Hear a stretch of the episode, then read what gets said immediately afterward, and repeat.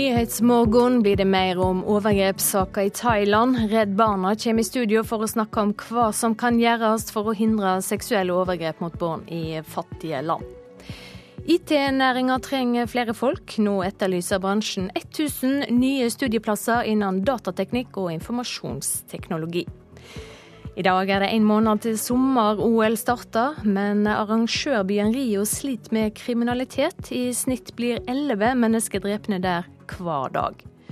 Og premiene i e-sport er blitt skyhøye. Flere nordmenn er på plass i Köln for å kjempe om åtte millioner premiekroner i dataspillet Counter-Strike.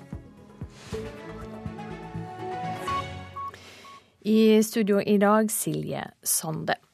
En 34 eh, år gammel mann bosatt i Oslo er eh, tiltalt for flere seksuelle overgrep mot ei 13 år gammel thailandsk jente. Mannen skal ha betalt 70 kroner dagen for jenta til en bareier. Det sier jentas bistandsadvokat Haldis Vinje. Dette er jo et bilde på hva skal jeg si, de rikes utnyttelse av, eh, av den fattige verden. Det finnes bilder av jenta på nettet. Sminkeløse selfier, litt tøysete trutmunn, men bak fasaden ligger en annen historie. Det er en måte å få, for pedofile da, få dekket sitt behov som, eh, som de ikke kan gjøre her uten stor risiko. En forretningsmann bosatt i Oslo, opprinnelig svensk statsborger, skal ha kjøpt jenta på en sexbar på ferieøya Koh Samui. For 70 kroner dagen, ifølge jentas egen forklaring. Nå er 34-åringen tiltalt for å ha forgrepet seg på henne gjentatte ganger over tre år, fra 2008 til 2011.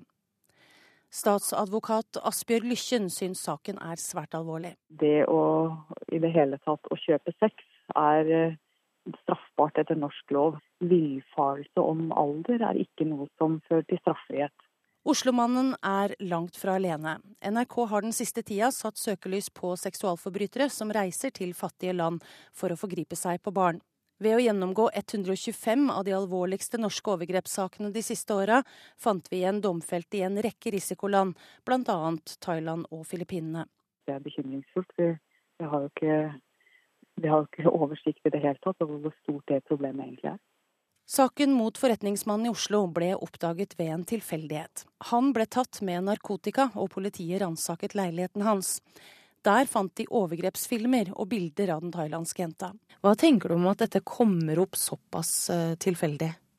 Det er jo gjerne uh, dessverre sånn som det er med, med de sakene med seksuelle overgrep mot barn. Det er gjerne tilfeldigheter som gjør om det kommer fram eller ikke. For den unge jenta i Thailand endret livet seg for alltid. Hun ble gravid med Oslo-mannen og fødte ei datter da hun var bare 14. Forstår hun at hun er eh, utsatt for en kriminell handling? Hun forstår at hun har fått en advokat, og at det her er snakk om en straffesak. Hun skjønner at det er galt, men altså hun uh, har jo liten skolegang. og helt hvilken forståelse hun har og hva hun trekker ut av dette, er litt, eh, det er jeg ikke helt sikker på. 34-åringen skal ha nektet straffskyld, men forsvareren hans vil ikke kommentere NRKs opplysninger om saken. Rettssaken mot ham starter til høsten, og tiltalte risikerer ti års fengsel dersom han blir dømt. Reporter Anne Marte Moland. Kaja Hegg, rådgiver i Redd Barna, velkommen. Vi hører i saka her at det var tilfeldig at denne mannen ble oppdaga. Er det for enkelt å slippe unna i slike saker? Det er til, definitivt uh, lett å slippe unna, fordi teknologien har gjort at uh, disse barna, disse miljøene, er altfor lett tilgjengelig. Det er bare noen tastetrykk unna, så har man muligheter til å komme i kontakt med barna eller de som organiserer denne type overgrep mot barn. Det er i Redd Barna jobber med å forebygge seksuelle overgrep. Hvordan? Vi må gjøre mye for å forebygge seksuelle overgrep mot barn. Vi må først og fremst ha tiltak der hvor barna er. Så som her i Norge så jobber vi mye på at skole skal forebygge, og vi må jobbe for at uh, de arenaene barn og unge er på, er trygge, og at barn får informasjon om sine rettigheter.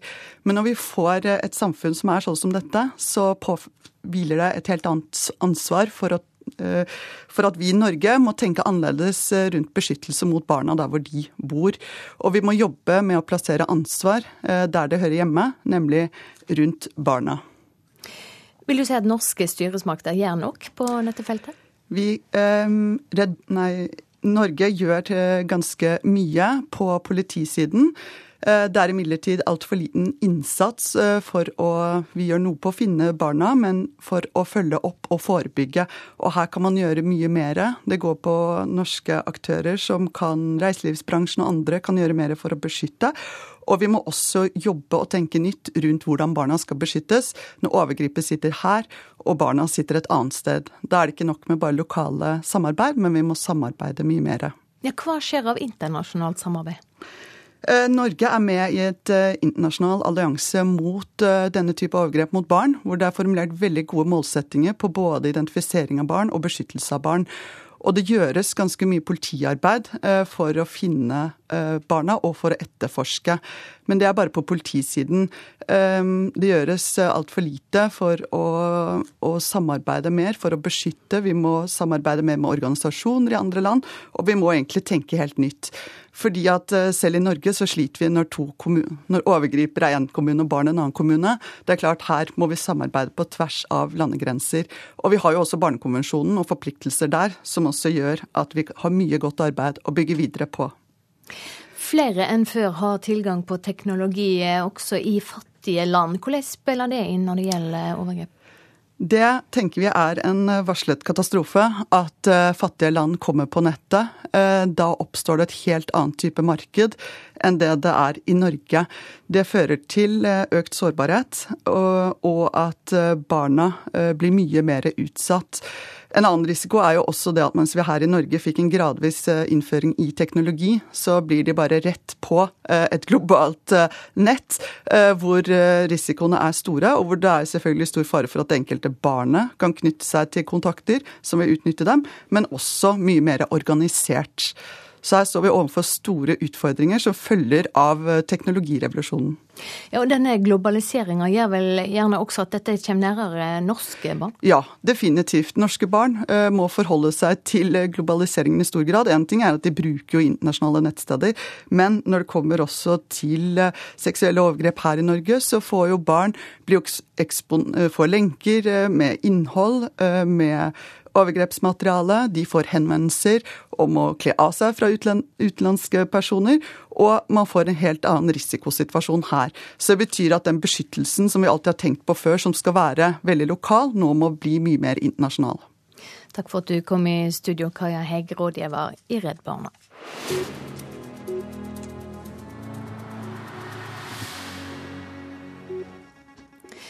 IKT Norge og Sosialistisk Venstreparti etterlyser nå 1000 nye IT-studieplasser.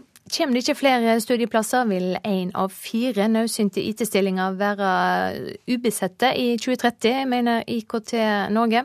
Det er allerede mangel på folk i IT-næringa i dag. Slik høres det ut når ansatte hos Bouvet sitter og koder. Det er ledige pulter i rommet. Simen Sommerfelt, CTO og rådgiver i konsulentselskapet Bouvet, sier de sliter med å få tak i nok kompetente folk. Eh, det fins ikke god, god, nok utdanning, godt nok tilbud rett og slett, på gode nok studenter. Og vi er spesielt avhengig av nyutdannede som vi kan lære opp og ta med inn i bransjen. Hva mener dere må gjøres for å få disse? Vi mener at vi må ha et mye større tilbud om studieplasser til studentene, slik at de kan være kompetente, og slik at det er mange nok gode som kommer eh, og søker jobb hos oss. SVs næringspolitiske talsmann Torgeir Knag Fylkesnes mener regjeringen må sørge for flere IT-studieplasser. Så Derfor foreslår vi revidert budsjett, eh, og ble dessverre nedstemt eh, av de andre partiene.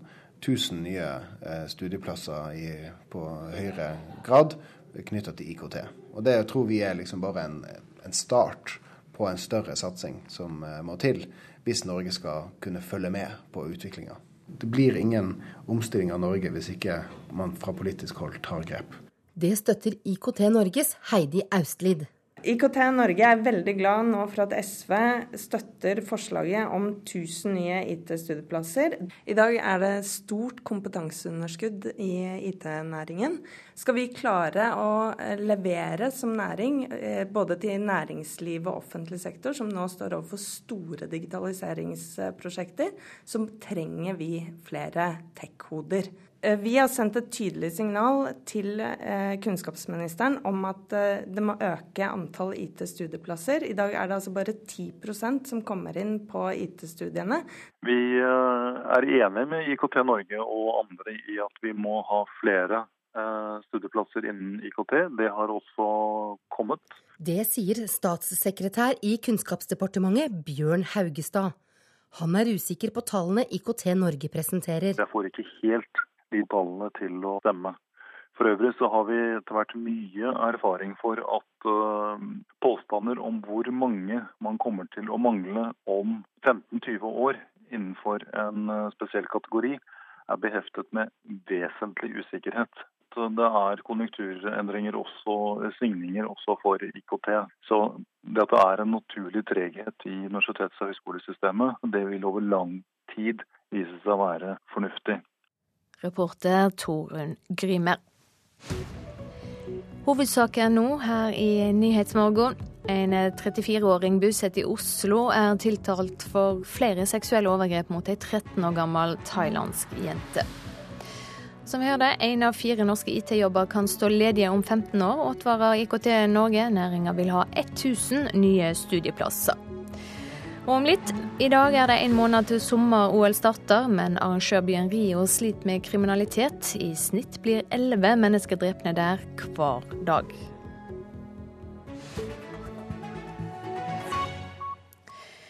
I dag starter Kina ei større militærøving i Sør-Kina-havet. Marineøvinga skjer veka før en FN-domstol skal komme med si avgjerd i tvisten mellom Filippinene og Kina om hvem som har rett på et havområde begge landene gjør krav på.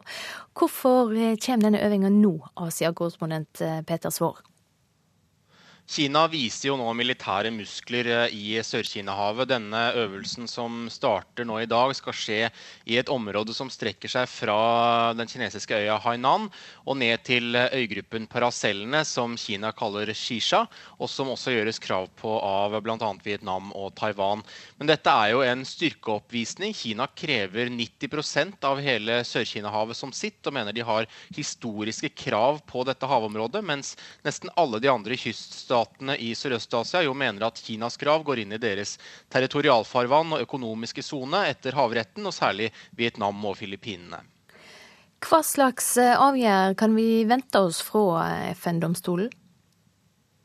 Det er eh, forventet at denne voldgiftsdomstolen i det vesentligste vil støtte støtte Filippinenes krav. Både Kina og Filippinene har jo undertegnet FNs havrettskonvensjon. Det er havretten denne domstolen skal forholde seg til. Der har Filippinene nå brukt eh, tre år og noen av verdens dyreste amerikanske advokatfirmaer til å bygge og føre sin sak. Og Grunnprinsippet i havretten er jo at alle land har rett til 12 nautiske mil territorialfarvann og 200 nautiske mil økonomisk sone. Så det er ventet at domstolen i hovedsak vil legge det til grunn når de kommer med sin dom neste tirsdag.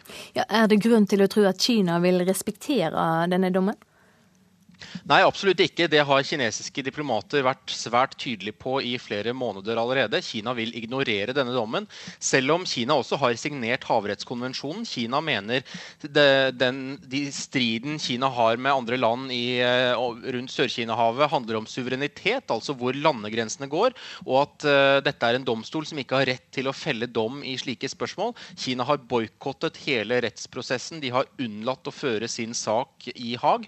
Men dette er jo det som også nå kan øke spenningen i hele dette spørsmålet neste uke. For Filippinene er en nær amerikansk alliert. De har uh, nylig utvidet uh, retten for amerikanske krigsskip til å bruke deres marinebaser.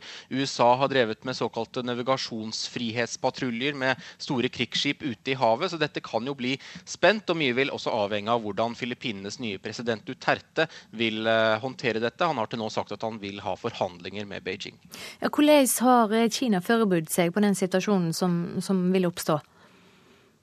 Det vi har sett her nå de siste ukene og månedene, er hvordan Kina har satt i gang et storstilt verdensomspennende propagandaapparat med helsides annonser selv i svenske aviser og i aviser på Filippinene og i mange andre uh, asiatiske land og land rundt i verden. Her i Kina har jo partipressen knapt skrevet om annet nå i flere uker allerede. Kjernen i den kinesiske argumentasjonen nå er at domstolen er irrelevant, den mangler legitimitet, at ingen andre land kan fortelle Kina hvilke havområder Kina har krav på. Samtidig har jo også kinesiske ledere her åpnet døren for at eh, man kan føre forhandlinger, særlig med Filippinene. Problemet både, problemet både her i Kina og på Filippinene er jo også at man eh, i begge land har sterke nasjonalistiske grupperinger som vil ha vansker med å akseptere et forhandlet kompromiss. Takk skal du ha, Asia-korrespondent eh, Peter Svaar.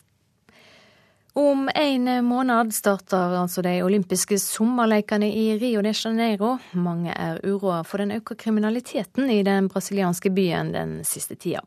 I snitt blir elleve mennesker drepne hver dag i OL-byen. Styresmaktene setter inn 85 000 politifolk og soldater under sommerlekene.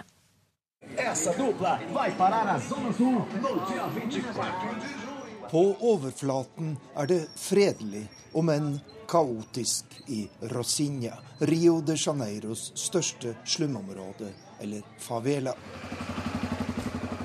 Men de mer enn 100 000 innbyggerne i Rosinha vet at freden når som helst kan bli brutt. De siste par årene har kriminaliteten økt merkbart, og det er liten tvil om grunnen, sier den kjente lokalpolitikeren Paulo Cæsar, som har bodd i området i hele sitt 59-årige liv a questão da violência ela vem muito uma questão econômica. Volden henger nært sammen med økonomien. Når de unge her i favelaen går uten jobb og er uten noe holdepunkt i livet, så havner de fort i kriminelle miljøer. Ikke minst blant dem som omsetter narkotika.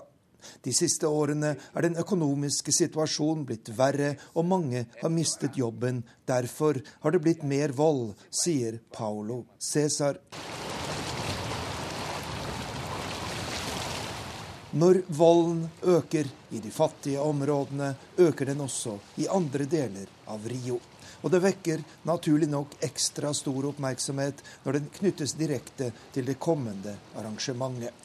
To kvinnelige deltakere i Paralympics ble nylig utsatt for væpnet ran da de var her i Rio for å trene, og deres kolleger reagerer sterkt. Det må settes i verk tiltak øyeblikkelig for å sikre utøverne, sier seileren Julio Alzugaray fra Argentina. Væpnet ran av dem som skal delta i idrettsfesten, er den verst tenkelige reklame OL-byen Rio kan få, og vi håper nå at myndighetene vil opprette sikre korridorer, slik at vi kan dra på trening uten frykt for å bli ranet, sier seileren fra Argentina. Rios ordfører Eduardo Pais svarer slik. Primeiro lamento, né? Acho que é um, enfim, é inaceitável que isso aconteça. Det som har skjedd med disse utøverne er beklagelig og skal overhodet ikke forekomme. På vegne av byen Rio de Janeiro ber jeg ofrene for dette overfallet om unnskyldning, og jeg lover å gjøre alt for å unngå at det skjer igjen. Når OL starter, skal vi være særdeles godt forberedt sikkerhetsmessig, sier ordføreren, som opplyser at det er mobilisert 85 000 politifolk og soldater i forbindelse med arrangementet. Tidligere var scener som dette en del av hverdagen i Rios favelaer. Men for sju-åtte år siden startet myndighetene en opprydding i mange av favelaene, der kriminelle bander ble kastet ut, og egne politistyrker, såkalte UPP, ble fast stasjonert. Det førte til at volden ble kraftig redusert, samtidig som det ble lovet sosiale prosjekter for å bedre livet for innbyggerne. Men med den økonomiske krisa er disse prosjektene skrinlagt, sier Paulo Cæsar e Rocinha. Ao PP, quando ela não tem esse suporte do próprio governo a nível de projetos Politistyrken UPP kan ikke ivareta sikkerheten uten at regjeringen følger opp med sosiale tiltak. Den siste tiden er folk blitt mer og mer frustrert over at prosjekter for helse, utdanning, vann, vei og kloakk osv. er stanset opp. Noen lar sin vrede gå ut over politiet, og de svarer med samme mynt og mister gradvis kontrollen, sier Paolo Cæsar. Men kan den økende volden true sikkerheten under OL, spør jeg. Jeg tror at Brasil vai estar preparado para ajudar Jeg tror at brasilianske myndigheter vil takle sikkerheten slik de gjorde under fotball-VM og andre store arrangementer. Men jeg er svært bekymret for hva som kan skje etter at OL-ilden er slukket. Det har vært satset stort på å gjøre VM og OL så sikre som mulig, men nå er kassa tom, og jeg frykter at viljen og evnen til å gjøre byen vår trygg etter OL vil være begrenset, sier lokalpolitikeren Paulo Cæsar i favelaen Rosinha her i Rio de Janeiro. Det sa reporter Arnt Stefansen. Så eh, sykling for Alexander Kristoff vart kan hende en skade på lagkamerat og opptrekker Mikael Mørkøv avgjørende for at han ikke var med å kjempe om etappesiger i Tour de France i går. I dag er det en ny god sjanse for Kristoff, men fremdeles uten opptrekker Mørkøv.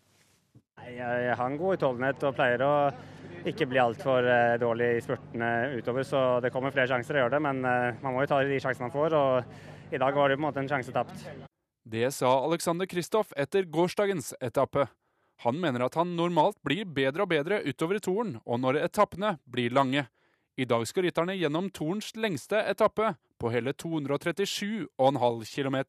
Det passer meg egentlig veldig greit egentlig når det er langt, men eh, jeg pleier å bedre hvis det er litt hardere. I dag går det veldig lett, ikke veldig seint. Så jeg visste at det ville bli vanskelig for meg på slutten når, eh, når det er en så rolig etappe. Så vi får håpe at det blir litt tøffere i morgen. Kristoff ønsker å revansjere gårsdagens 11.-plass allerede i dag, men opptrekket Mørkev får foreløpig ikke hjulpet til.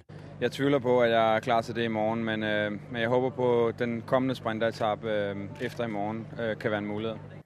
Og den fjerde etappen i Tour de France kan du følge på DAB-kanal NRK Sport fra klokka 14. Reporter Halvor Ekeland. Så dagens aviser. Sykehusene mangler livskritiske legemiddel. Kreftsyke får ikke medisiner, skriver Dagens Næringsliv.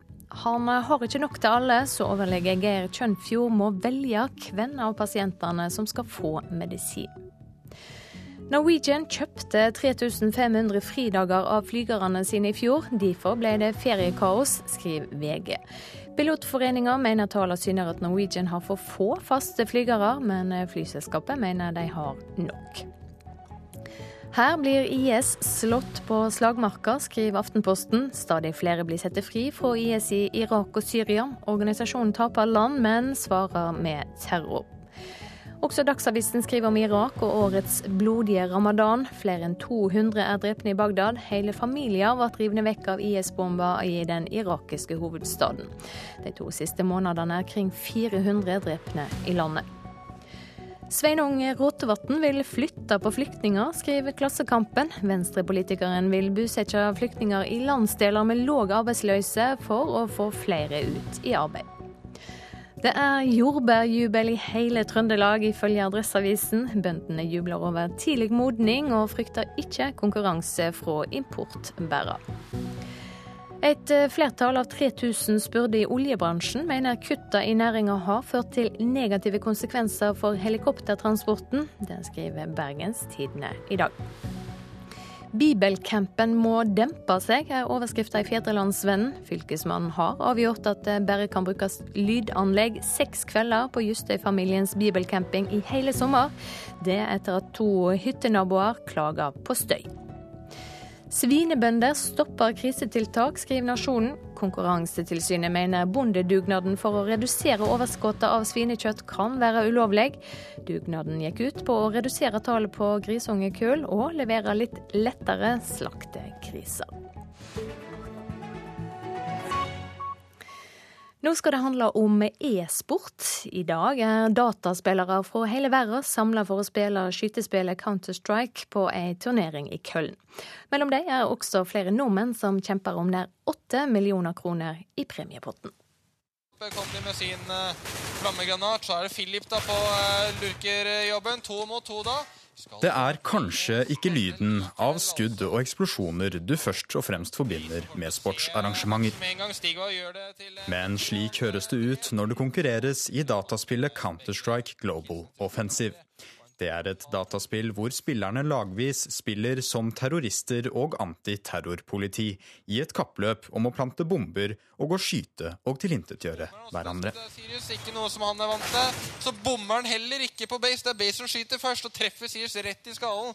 Og så blir det 15 I dag arrangeres det internasjonale e-sportarrangementet ESL One i den tyske byen Köln. Og vinnerne av turneringen vil stikke av med nærmere åtte millioner kroner. Du har uh, lønn som du får fra laget, du har premiepenger, og premiepengene har blitt helt uh, sinnssykt høy det siste året her. Det er mye penger i spillet som kanskje ikke folk vet så mye om. Da. Det forteller 22 år gamle Ruben Viaroel. Han spiller for det danske laget Team Dignitas i turneringen, og som profesjonell dataspiller er det dette han lever av å spille Counter-Strike Global Offensive. Stikker det av med ett poeng, men Smo likevel får entry fair blir tatt ut like etterpå av Nimman. Bugé var klar til å stikke av med en liten penit derfor. Førstemann blir tatt ut med en Da jeg var liten unge, så var det mer som en hobby der du bare spilte med vennene dine for å ha noe å gjøre. da. Men etter hvert så ble det jo litt mer, mer seriøst. da, Så jeg har vel brukt en det er veldig vanskelig å si eksakt, men jeg tipper vel fra 9000 til 11 000 timer sikkert til sammen. Rotasjon kommer selvfølgelig kommer av. Barry Boplat finner én, men blir tatt ut nedgang. Håvard sistemann i livet én mot Du sitter der alene eller med laget ditt og skal utføre strategier, og det er jo et helt ekstremt press. Og de få som klarer å tåle det presset, er jo de som får bli stjerner. Det sier Mats Engelien, tidligere e-sportkommentator for TV 2. For det kreves mye av de beste spillerne, som også blir fulgt av et stadig større publikum verden over. Det er også ventet stor oppmerksomhet rundt ESL One i Køln. Det blir streama gjennom Twitch, så det er gratis å se på for hvem som helst. I tillegg så har det jo blitt uh, solgt uh, rundt jeg mener jeg hørte det var rundt 14 000 liveseter, så det er jo helt ekstremt stort. Og det har jo blitt liksom stadiumsport da, i løpet av de siste få åra, så det er veldig gøy. Og det gjør det faktisk. Linje og finner, Håvard. Det kommer til å bli 15-0. Reporter her, Brage Berglund.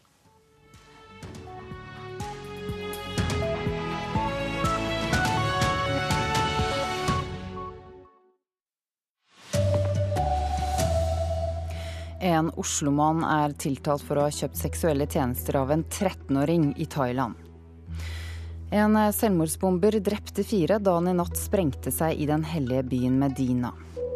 Nesten 12 000 asylmottaksplasser står nå helt tomme. Her er NRK Dagsnytt klokken 7.30. En 34 år gammel mann bosatt i Oslo er tiltalt for gjentatte seksuelle overgrep mot en 13 år gammel thailandsk jente. Mannen skal ha betalt 70 kroner dagen til en bareier for overgrepene, sier jentas bistandsadvokat Haldis Vinje. Dette er jo et bilde på hva skal jeg si, de rikes utnyttelse av, eh, av den fattige verden. En forretningsmann bosatt i Oslo, opprinnelig svensk statsborger, skal ha kjøpt jenta på en sexbar på ferieøya Koh Samui for 70 kroner dagen, ifølge jentas egen forklaring.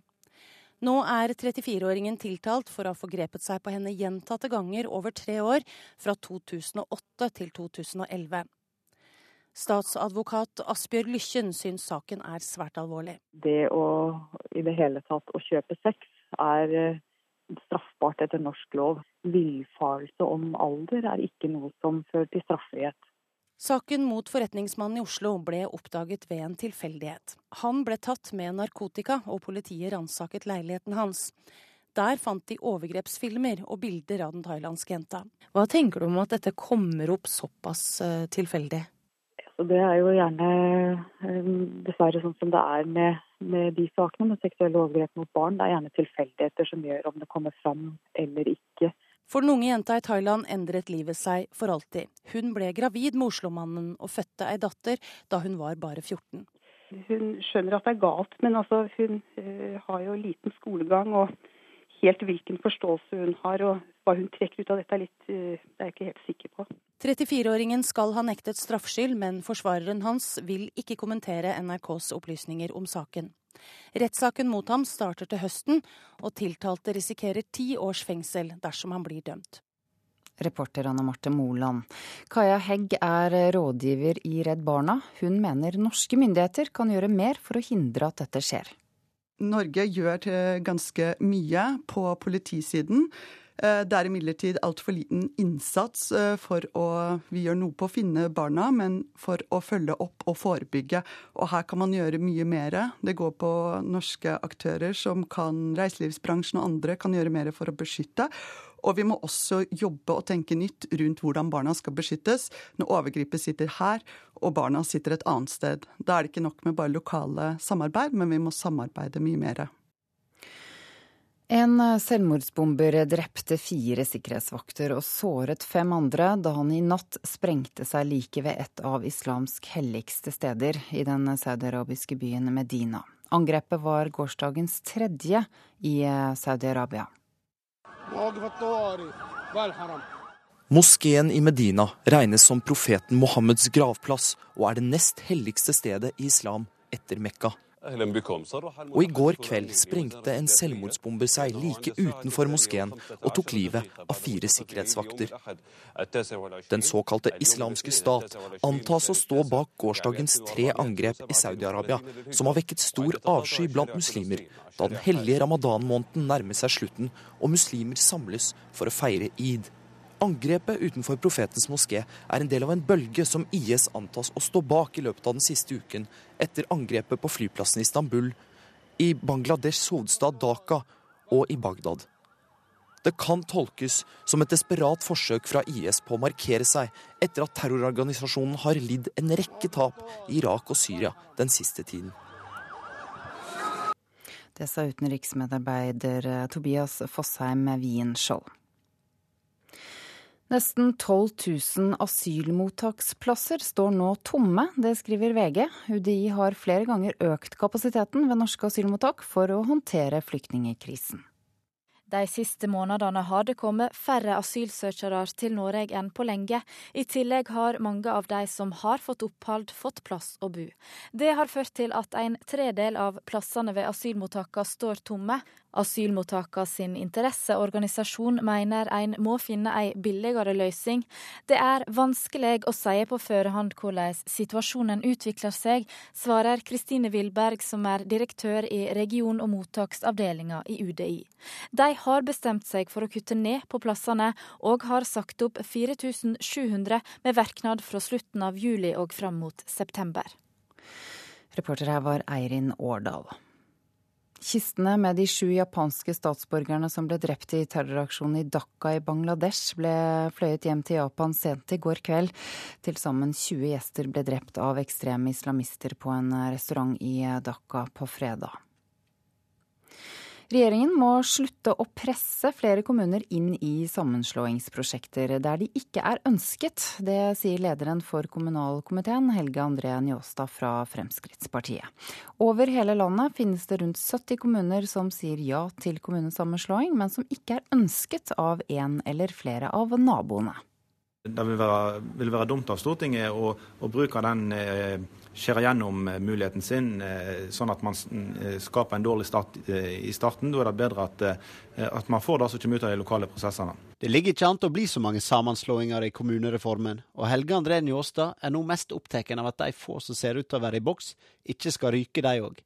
Det kan skje i Indre Sunnfjord. Der går de fire kommunene rundt Førde mot ei sammenslåing, men én av dem, Jølster, har vedtatt at de bare blir med om ingen andre enn de fire får bli med. Et merkelig vedtak. Det sier ordfører i Fjaler, Gunhild Bergestang. Hun vil gjerne være med på sammenslåing med Førde, og Førde vil gjerne ha henne med, men de får ikke lov av Jølster. Jeg forstår det egentlig ikke, hvorfor, eh, hvorfor det er så viktig for dem. Fjaler er en ressursrik eh, kommune som eh, vil kunne tilføre mye i en, en, eh, et sånt større, en sånn større sammenslåing. Men varaordfører i Jølster, Jakob André Sandal, sier at det ikke er aktuelt å åpne døra for Fjaler. Vi har vært klare på i kommunestyret i Jølster, og det har vært samreiste, så at det er, er det alternativet som vi har spurt innbyggerne om, som er, er, det vi går for. De andre alternativene ble for store i, i ut, utstrekning, rett og slett. Og den frustrerte ordføreren kommer heller ikke til å få hjelp av regjeringa sin mann i kommunalkomiteen. Når fire kommuner har funnet sammen og er blitt, blitt enige, eh, så tror jeg det vil være veldig dumt av Stortinget å, eh, å tvinge på en måte flere inn i det samarbeidet eh, i denne fasen. Reporter Alexander Åsnes. SV og IKT Norge etterlyser 1000 nye IT-studieplasser. Kommer det ikke flere slike studieplasser, vil én av fire nødvendige IT-stillinger være ubesatt i 2030, mener IKT Norge. Det er allerede mangel på folk i IT-næringen i dag, sier Simen Sommerfelt, som er teknologisjef og rådgiver i konsulentselskapet Bouvet. Vi mener at vi må ha et mye større tilbud om studieplasser til studentene. slik at det er mange nok gode som kommer eh, og søker jobb hos oss. SVs næringspolitiske talsmann Torgeir Knag Fylkesnes mener regjeringen må sørge for flere IT-studieplasser. Så Derfor foreslår vi revidert budsjett, eh, og ble dessverre nedstemt eh, av de andre partiene. 1000 nye studieplasser i, på høyere grad knytta til IKT. Og Det tror vi er liksom bare en, en start på en større satsing som eh, må til hvis Norge skal kunne følge med på utviklinga. Det støtter IKT Norges Heidi Austlid. Skal vi klare å eh, levere som næring, eh, både til næringsliv og offentlig sektor, som nå står overfor store digitaliseringsprosjekter, så trenger vi flere tech-hoder. Eh, vi har sendt et tydelig signal til eh, kunnskapsministeren om at eh, det må øke antall IT-studieplasser. I dag er det altså bare 10% som kommer inn på IT-studiene. Vi er enige med IKT Norge og andre i at vi må ha flere studieplasser innen IKT. Det har også kommet. Det sier statssekretær i Kunnskapsdepartementet Bjørn Haugestad. Han er usikker på tallene IKT Norge presenterer. Jeg får ikke helt de tallene til å stemme. For øvrig så har vi etter hvert mye erfaring for at uh, påstander om hvor mange man kommer til å mangle om 15-20 år, er beheftet med vesentlig usikkerhet. Dette er en naturlig treghet i universitets- og høyskolesystemet. Det vil over lang tid vise seg å være fornuftig. Reporter Torunn Grymer. I morges kom eh, NASAs ubemannede romsonde Juno seg i bane rundt Jupiter. Det opplyser den amerikanske romfartsorganisasjonen. Sonden forlot jorda for fem år siden. Juno skal reise 30 runder rundt Jupiter på ett år. Forskere håper kunnskapen kan gi bedre svar på hvordan solsystemet vårt ble til. Ansvarlig for Dagsnytt denne morgenen er Erlend Rønneberg. Jeg heter Ida Creed.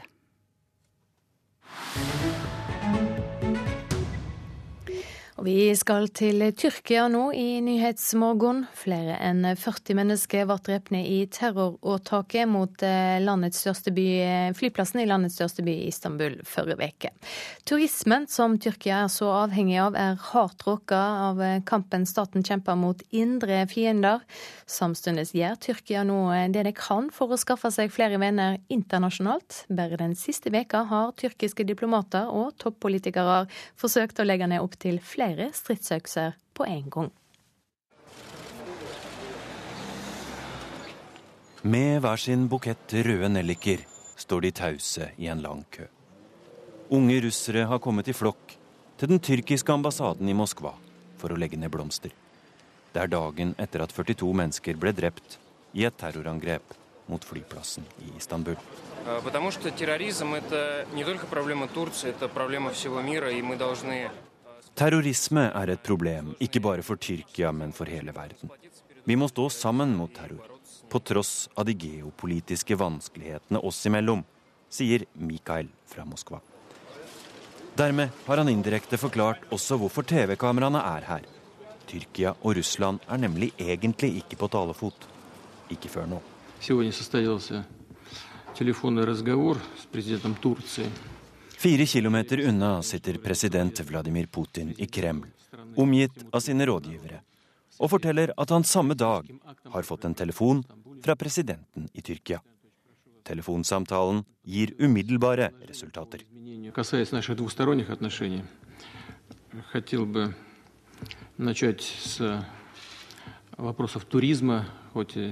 Jeg har beordret russiske myndigheter til å sette i gang arbeidet med å normalisere forbindelsene med Tyrkia. Vi begynner med å fjerne restriksjonene på reiser og turisme, sier Putin. Э,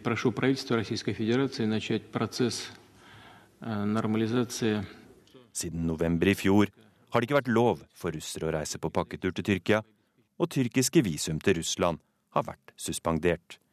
Forholdet mellom de to gamle allierte har vært elendig.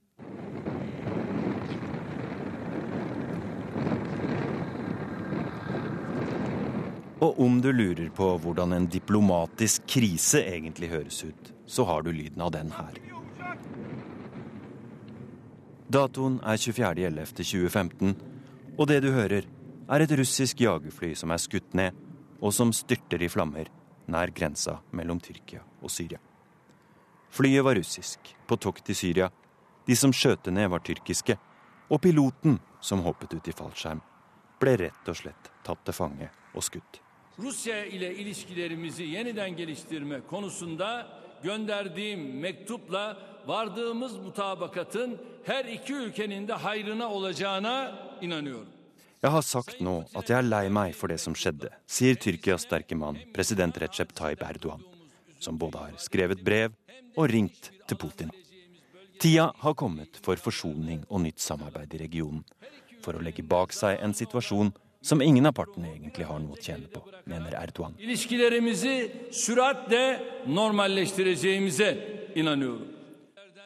Og det er en aldri så liten simultanoppvisning i diplomatisk sjakkspill på toppnivå tyrkiske politikere har vartet opp med den siste uka. I tillegg til å forsøke å normalisere forholdet til Russland, er Tyrkia også i ferd med å bli venner med Israel igjen. De to landene samarbeidet nært i Midtøsten i mange år, helt fram til 2010, da israelske styrker angrep og med makt stanset et tyrkisk skip på vei med hjelp til Gazastripa. Ti tyrkere ble drept. Siden har Tyrkia og Israel ikke vært på talefot, men nå er de i ferd med å utveksle ambassadører igjen. Israel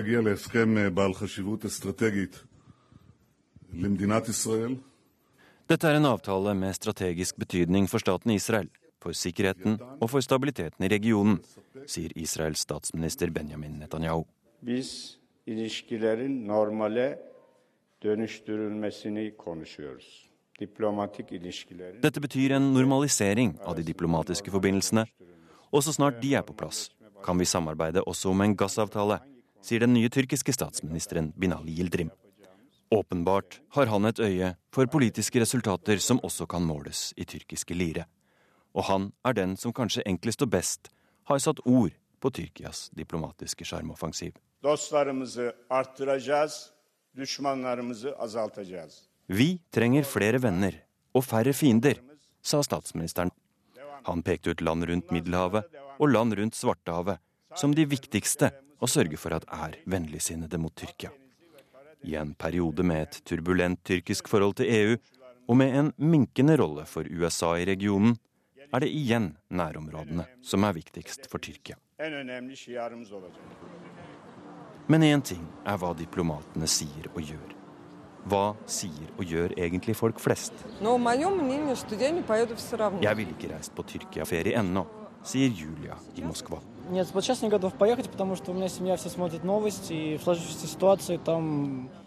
Nei, det er kanskje både ledig og billig, men det er for farlig nå, sier Georgi. Vi ser det jo på nyhetene. Det er fortsatt terrorangrep der. Og det er fortsatt farlig. Men kanskje neste år? Det sa reporter Tore Mola. Hovedsaken nå her i Nyhetsmorgen. En 34-åring bosatt i Oslo er tiltalt for flere seksuelle overgrep mot ei 13 år gammel thailandsk jente. En selvmordsbomber drap fire mennesker da han i natt sprengte seg i den hellige byen Medina. Og UDI har flere ganger økt kapasiteten ved norske asylmottak for å håndtere flyktningkrisa. Nå kommer det langt færre, og nesten 12 000 asylmottaksplasser står ledige.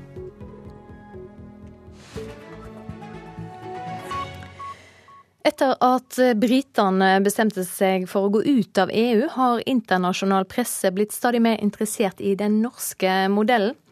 En av de som har eh, svaret, britiske medium og storaviser som Washington Post og New York Times, er NHO-leder Kristin Skogen Lund. I dag skal du få svare her i Nyhetsmorgen. Velkommen. Takk skal du ha. Du sier til alle disse internasjonale storavisene at Storbritannia ikke bør bli medlem av EØS. Hvorfor det?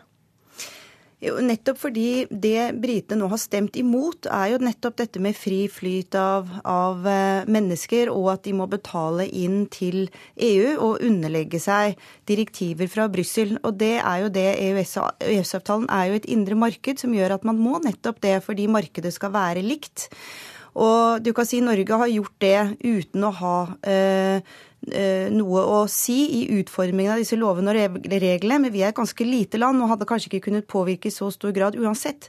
Men Storbritannia er altså EUs nest største økonomi og har veldig mye du skulle sagt. Og hvorfor de skal da ta det de stemmer imot i, eh, likevel, men uten å kunne ha eh, innflytelse i den beslutningen, det forstår jeg bare ikke at kan være en modell som kan fungere etter den avstemningen de har hatt. Men kan det ikke være bra for Norge dersom Storbritannia blir med i EØS? Eh, jeg tror vi skal være klar over da at da blir eh, EU, altså EØS hvor Norge har vært en stormakt i forhold til Island og Liechtenstein, som er de to andre landene som er med. Hvis Storbritannia kommer inn, som er en økonomi som er uendelig mye større enn den norske, så er det jo de som vil eh, være i førersetet, og EØS-avtalen vil da ikke videre Altså vil jo ikke ha en, hva skal jeg si, en norsk ledelse lenger. Og Storbritannia vil nok kunne ha andre prioriteringer enn det vi har hatt til nå. Så det er ikke gitt at det vil tjene Norge. Men kanskje EØS-landene kan få mer å si i EU?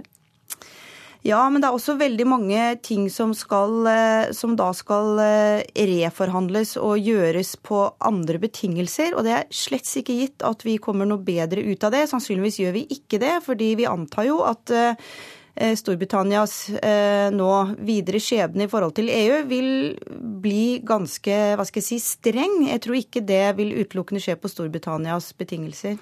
Hva sier du da til lederne i SV og Senterpartiet som tror Storbritannia kan hjelpe oss å få til en ny og bedre avtale med EU?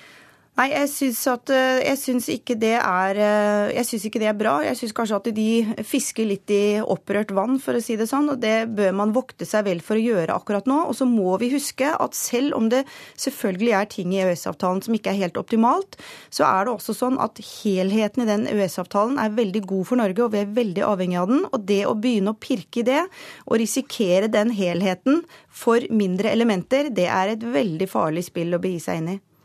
Du var nylig i London i helga som var. Hvordan er stemninga der nå? Hva sier dine britiske kollegaer? Altså Mine britiske kolleger er jo fortvilet. De har jo vært eh, sterkt imot en, en, eh, brexit, og de er veldig bekymret for den usikkerheten som råder. De er veldig bekymret for den, hva skal jeg si, det manglende lederskapet som er. Eh, de hadde, de hadde et møte med Cameron i uken som var. og påpekte dette tydelig. Han, jo, han, trekker seg jo, og vi ser jo at én etter én av de som sto i spissen for brexit-kampanjen, gjør jo det samme. ikke sant? Så her er det et totalt ledelsesvakuum i alle leirer, egentlig. Og det er klart at for forretningslivet og økonomien i Storbritannia så er jo dette veldig bekymringsfullt.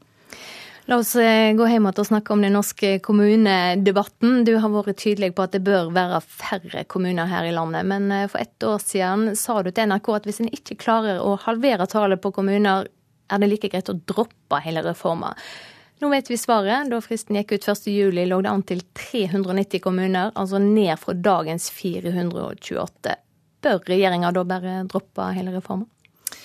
Ja, altså, Jeg tror ikke de kommer til å gjøre det. Men, men eh, grunnen til at jeg sa det, er at det jeg er redd for, er at da en liten justering som dette nå egentlig blir, altså en redu reduksjon på rundt 10% det kan ikke kalles en, uh, en, reform. Og jeg er redd for at man da nå tenker at nå har man gjort noe, og så går det mange, mange år til at man plukker opp denne ballen igjen, og så blir man værende i en lite optimal struktur i en mye lengre tid enn man kanskje hadde behøvd. Kanskje hadde det vært bedre å, å erkjenne at uh, vi får ikke til dette det, på det ambisjonsnivået vi hadde ønsket nå, og så kunne man heller komme tilbake til dette om noen år. Det hadde kanskje vært en bedre løsning da. Kommunalminister Jan Tore Sanner var her i Nyhetsmorgen før torsdag. Vi skal høre noe av hva han sa. Det går riktig retning. Eh, faktisk så har vi nå kommet lenger i løpet av tre år i reduksjon av antall kommuner enn det man har klart på over 50 år. Eh, hvis du hadde spurt eh, folk for et år siden eller to, to, så tror jeg få hadde regnet med at vi hadde klart å komme så langt. Ja, Sanner er altså nøyd med 390 kommuner. Er det du som driver med svartmaling? Eh, nei, jeg tror ikke det. Altså, altså, Enhver analyse jeg har sett om dette, ender ut med at et optimalt antall kommuner i Norge er et sted rundt 100. Og da er 390 ikke i nærheten av å være rett nivå. 100 hadde kanskje vært vel ambisiøs, selv om det kan være et idealistisk riktig tall, så, så, innser også jeg at det kunne vært politisk vanskelig nå. Men 390 kan man nok ikke se seg fornøyd med, selv om man selvfølgelig har rett i at det er bedre enn, enn det som har vært, og det er mer enn det som har skjedd på 50 år. Men jeg tror det er veldig viktig å huske på at dette er altså en reform som skal gjøre oss i stand til eh, å håndtere de neste 50 årene. Det er ikke en evaluering over de foregående 50 årene. Jeg tror kanskje det er der man har bommet litt i denne debatten. Hvorfor er det så viktig for næringslivet med færre kommuner? Jo, det er fordi vi ser at eh, kommunene er ikke ideelt eh, inndelt. og Det betyr at for veldig mange bedrifter så må de forholde seg til for mange kommuner. Det blir for mye byråkrati, og det blir for dårlig samkjøring, f.eks. med areal- og transportplanlegging. Og vi ser også at vi heller ikke klarer å få tilstrekkelig kompetanse i hver enkelt kommune, f.eks. når det gjelder offentlige innkjøp. Og dette lider bedriftene av. Og det kanskje aller viktigste er at ikke vi får disse naturlige bo- og arbeidsmarkedene som eh, henger sammen som én en enhet, og som er så viktig for at bedrifter skal kunne vokse og utvikle seg lokalt. Helt kort til slutt, hva mener du regjeringa må gjøre nå? Nei, altså nå er det jo også fylkesmenn som skal eh, gi en innstilling. Der har bl.a. Helen Bjørnøy gått foran med et godt eksempel i Buskerud og sagt at hun vil skjære igjennom og komme med en mer ambisiøs anbefaling. Og vi håper jo at også stortingspolitikerne vil tørre å legge større ambisjon i dette, og i hvert fall eh, få eh, en noe bedre reform enn det det ser ut til akkurat nå. Takk for at du kom hit til Nyhetsmorgen, og riktig god sommer, Kristin Skogen Lund. Takk.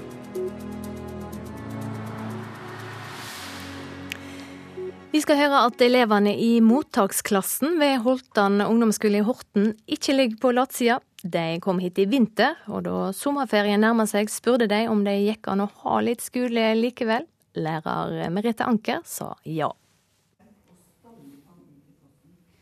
På Holtang ungdomsskole i Horten er det stille i gangene, for ferien har for lengst begynt for de fleste.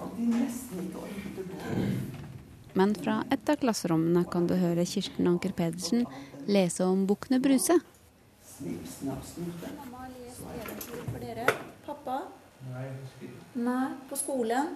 Har læreren lest eventyr? I klasserommet sitter 20 elever som kom til Norge alene i vinter, og som ikke vil ta helt ferie fra norskundervisningen, forteller lærer Merete Anker.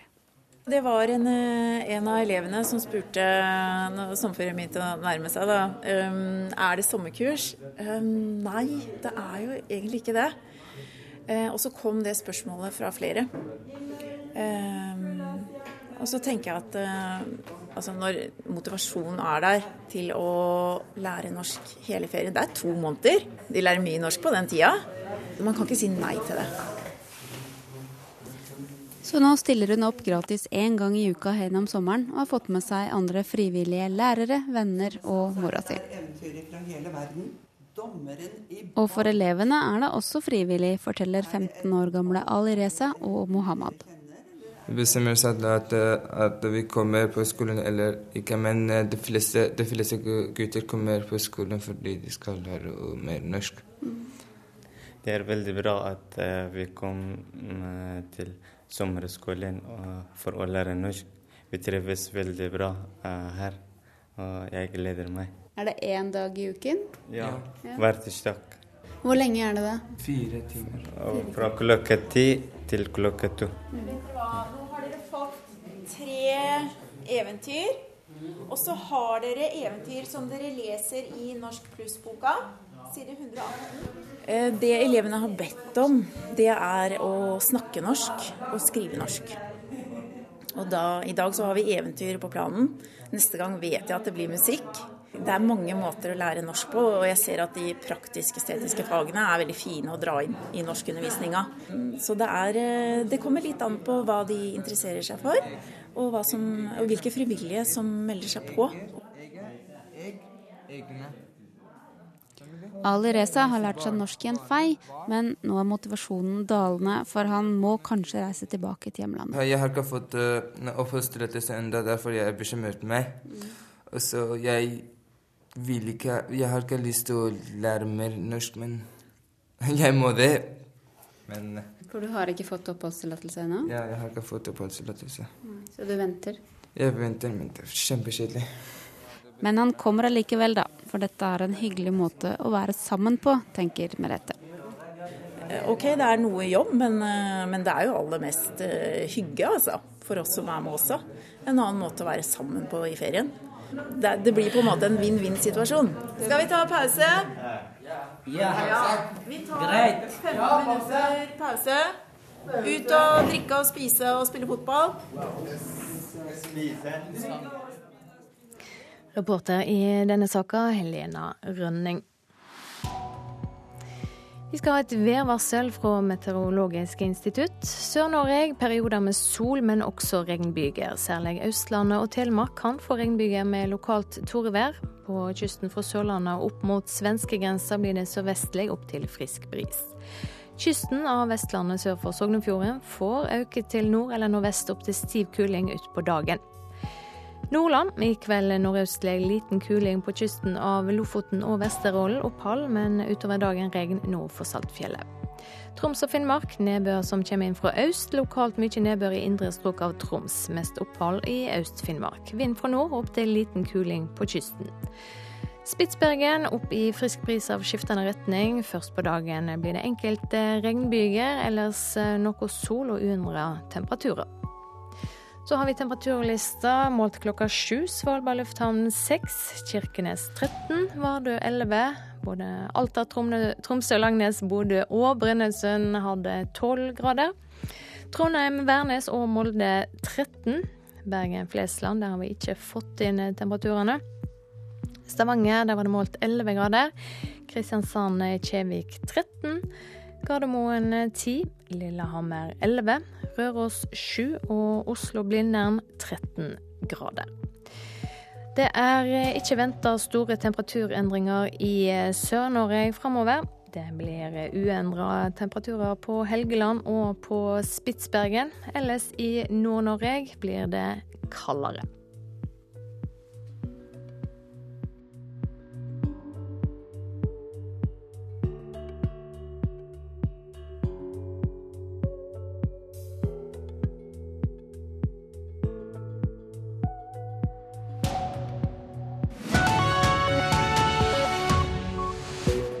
Her i Nyhetsmorgen blir det straks mer om overgrepssaker i Thailand. Det er store demonstrasjoner i Kenya. Politifolk er mistenkte for å stå bak drapene på en menneskerettsadvokat og klienten hans. Premiene i e-sport er blitt skyhøye. Flere nordmenn er på plass i Tyskland for å kjempe om åtte millioner premiekroner i dataspillet Counter-Strike.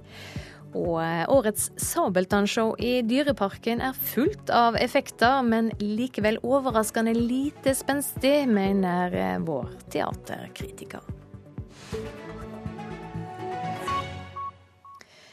En 34-åring bosatt i Oslo er tiltalt for flere seksuelle overgrep mot ei 13 år gammel thailandsk jente.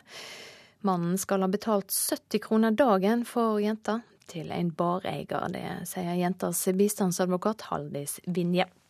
Dette er jo et bilde på hva skal jeg si, de rikes utnyttelse av, eh, av den fattige verden. Det finnes bilder av jenta på nettet. Sminkeløse selfier, litt tøysete trutmunn, men bak fasaden ligger en annen historie. En forretningsmann bosatt i Oslo, opprinnelig svensk statsborger, skal ha kjøpt jenta på en sexbar på ferieøya Koh Samui for 70 kroner dagen, ifølge jentas egen forklaring. Nå er 34-åringen tiltalt for å ha forgrepet seg på henne gjentatte ganger over tre år, fra 2008 til 2011. Statsadvokat Asbjørg Lykken syns saken er svært alvorlig. Det å i det hele tatt å kjøpe sex er eh, straffbart etter norsk lov. Villfarelse om alder er ikke noe som fører til straffrihet. Oslomannen er langt fra alene. NRK har den siste tida satt søkelys på seksualforbrytere som reiser til fattige land for å forgripe seg på barn. Ved å gjennomgå 125 av de alvorligste norske overgrepssakene de siste åra, fant vi igjen domfelte i en rekke risikoland, bl.a. Thailand og Filippinene. Det er bekymringsfullt. Vi, har jo ikke, vi har ikke oversikt i det hele tatt over hvor stort det problemet egentlig er.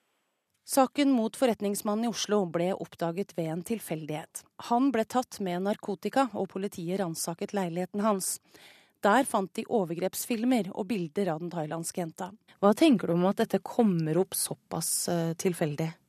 Så det er jo gjerne dessverre sånn som det er med, med de sakene med seksuelle overgrep mot barn. Det er gjerne tilfeldigheter som gjør om det kommer fram eller ikke. For den unge jenta i Thailand endret livet seg for alltid. Hun ble gravid med Oslo-mannen og fødte ei datter da hun var bare 14.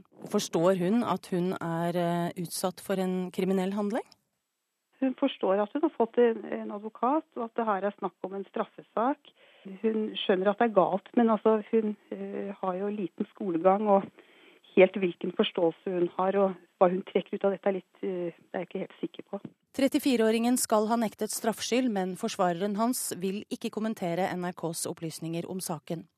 Rettssaken mot ham starter til høsten, og tiltalte risikerer ti års fengsel dersom han blir dømt. Det sa reporter Anne Marte Moland. Og rådgiver i Redd Barna, Kaja Hegg, sier det må en større innsats til for å hindre slike overgrep. Det er til, definitivt lett å slippe unna, fordi teknologien har gjort at disse barna, disse miljøene, er altfor lett tilgjengelig. Det er bare noen tastetrykk unna, så har man muligheter til å komme i kontakt med barna eller de som organiserer denne type overgrep mot barn. Det er i Redd Barna jobber med å forebygge seksuelle overgrep. Hvordan? Vi må gjøre mye for å forebygge seksuelle overgrep mot barn. Vi må først og fremst ha tiltak der hvor barna er. Så som her i Norge så jobber vi mye på at skole skal forebygge, og vi må jobbe for at eh, de arenaene barn og unge er på, er trygge, og at barn får informasjon om sine rettigheter. Men når vi får et samfunn som er sånn som dette, så hviler det et helt annet ansvar for å for at vi i Norge må tenke annerledes eh, rundt beskyttelse mot barna der hvor de bor. Og vi må jobbe med å plassere ansvar eh, der det hører hjemme, nemlig rundt barna. Vil du si at norske styresmakter gjør nok på dette feltet? Vi, eh, redd, nei, Norge gjør ganske mye på politisiden. Eh, det er imidlertid altfor liten innsats eh, for å Vi gjør noe på å finne barna, men for å følge opp og forebygge. Og her kan man gjøre mye mer. Det går på norske aktører som kan Reiselivsbransjen og andre kan gjøre mer for å beskytte. Og vi må også jobbe og tenke nytt rundt hvordan barna skal beskyttes når overgripet sitter her og barna sitter et annet sted. Da er det ikke nok med bare lokale samarbeid, men vi må samarbeide mye mer. Ja, hva skjer av internasjonalt samarbeid? Eh, Norge er med i et eh, internasjonal allianse mot eh, denne type overgrep mot barn, hvor det er formulert veldig gode målsettinger på både identifisering av barn og beskyttelse av barn. Og det gjøres ganske mye politiarbeid for å finne barna og for å etterforske. Men det er bare på politisiden. Det gjøres altfor lite for å, å, samarbeide mer, for å beskytte. Vi må samarbeide mer med organisasjoner i andre land, og vi må egentlig tenke helt nytt. Fordi at eh, selv i Norge så sliter vi når, når overgriper er én kommune og barn en annen kommune. Det er klart Her må vi samarbeide på tvers av landegrenser. Og vi har jo også Barnekonvensjonen og forpliktelser der, som også gjør at vi har mye godt arbeid å bygge videre på. Flere enn før har tilgang på teknologi også i fattige land. Hvordan spiller det inn når det gjelder overgrep? Det tenker vi er en varslet katastrofe. At uh, fattige land kommer på nettet. Uh, da oppstår det et helt annet type marked enn det det er i Norge. Det fører til økt sårbarhet, og at barna blir mye mer utsatt. En annen risiko er jo også det at mens vi her i Norge fikk en gradvis eh, innføring i teknologi, så blir de bare rett på eh, et globalt eh, nett hvor risikoene er store, og hvor det er selvfølgelig stor fare for at det enkelte barnet kan knytte seg til kontakter som vil utnytte dem, men også mye mer organisert. Så her står vi overfor store utfordringer som følger av eh, teknologirevolusjonen. Ja, og Denne globaliseringa gjør vel gjerne også at dette kommer nærmere norske barn? Ja, definitivt. Norske barn uh, må forholde seg til globaliseringen i stor grad. Én ting er at de bruker jo internasjonale nettsteder, men når det kommer også til seksuelle overgrep her i Norge, så får jo barn får lenker med innhold, med overgrepsmateriale. De får henvendelser om å kle av seg fra utenlandske personer. Og man får en helt annen risikosituasjon her. Så det betyr at den beskyttelsen som vi alltid har tenkt på før, som skal være veldig lokal, nå må bli mye mer internasjonal. Kaja Hegg i Redd Barna. Så dagens aviser. Sykehusene mangler livskritiske legemiddel, og kreftsyke får ikke medisiner, skriver Dagens Næringsliv. Han har ikke nok til alle, så overlege Geir Kjønfjord må velge hvem av pasientene som skal få medisin. Norwegian kjøpte 3500 fridager av flygerne i fjor. Derfor ble det feriekaos, skriver VG. Pilotforeninga mener tallene syner at Norwegian har for få faste flygere, men flyselskapet mener de har nok.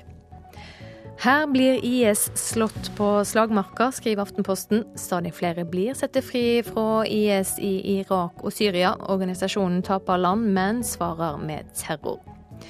Også Dagsavisen skriver om Irak og årets blodige ramadan. Flere enn 200 er drepne i Bagdad. Hele familier ble rivne vekk av IS-bomber i den irakiske hovedstaden. De siste to månedene er kring 400 drepne i landet. Sveinung Rotevatn vil flytte på flyktninger, skriver Klassekampen. Venstrepolitikeren vil bosette flyktninger i landsdeler med låg arbeidsløse for å få flere ut i arbeid. Det er jordbærjubel i hele Trøndelag, ifølge Adresseavisen. Bøndene jubler over tidlig modning, og frykter ikke konkurransen fra importbærer. Et eh, flertall av 3000 spurte i oljebransjen mener at kutta i næringa har ført til negative konsekvenser for helikoptertransporten. Det skriver Bergens Tidende i dag. Bibelcampen må dempe seg, er overskrifta i Fedrelandsvennen. Fylkesmannen har avgjort at det bare kan brukes lydanlegg seks kvelder på Justøy-familiens bibelcamping i hele sommer, etter at to hyttenaboer klager på støy. Svinebønder stopper krisetiltak, skriver Nasjonen. Konkurransetilsynet mener bondedugnaden for å redusere overskuddet av svinekjøtt kan være ulovlig. Dugnaden gikk ut på å redusere tallet på grisungekull og levere litt lettere slaktegriser. Vårt Land skriver om abort. Abortspørsmål er knytta til venstre- og høyreaksene i politikken. Slik var det ikke før. KrF reagerer på regjeringa sitt abortarbeid i bistandsland. 30 år gamle Ingebjørg er en av de yngste legene i Tromsø, men har flest pasienter, skriver Nordlys. Avisa presenterer legene med de lengste pasientlistene i byen. Og Derfor ble Petter uteligger en hardhaus, skriver Dagbladet. Avisa har bilder fra en rekke ekspedisjoner TV-programskaperen Petter Nyquist har gjennomført. Til Kenya nå, der demonstrerer jurister og menneskerettsaktivister over hele landet denne veka. Årsaken er at politiet er mistenkt for å stå bak drapene på en menneskerettsadvokat, klienten hans og sjåføren deres. Demonstrantene mener politivalg og korrupsjon i politiet setter rettstryggheten i fare. Vår Afrikakorrespondent Sverre Tom Radøy følger demonstrasjonen i hovedstaden Nairobi i går.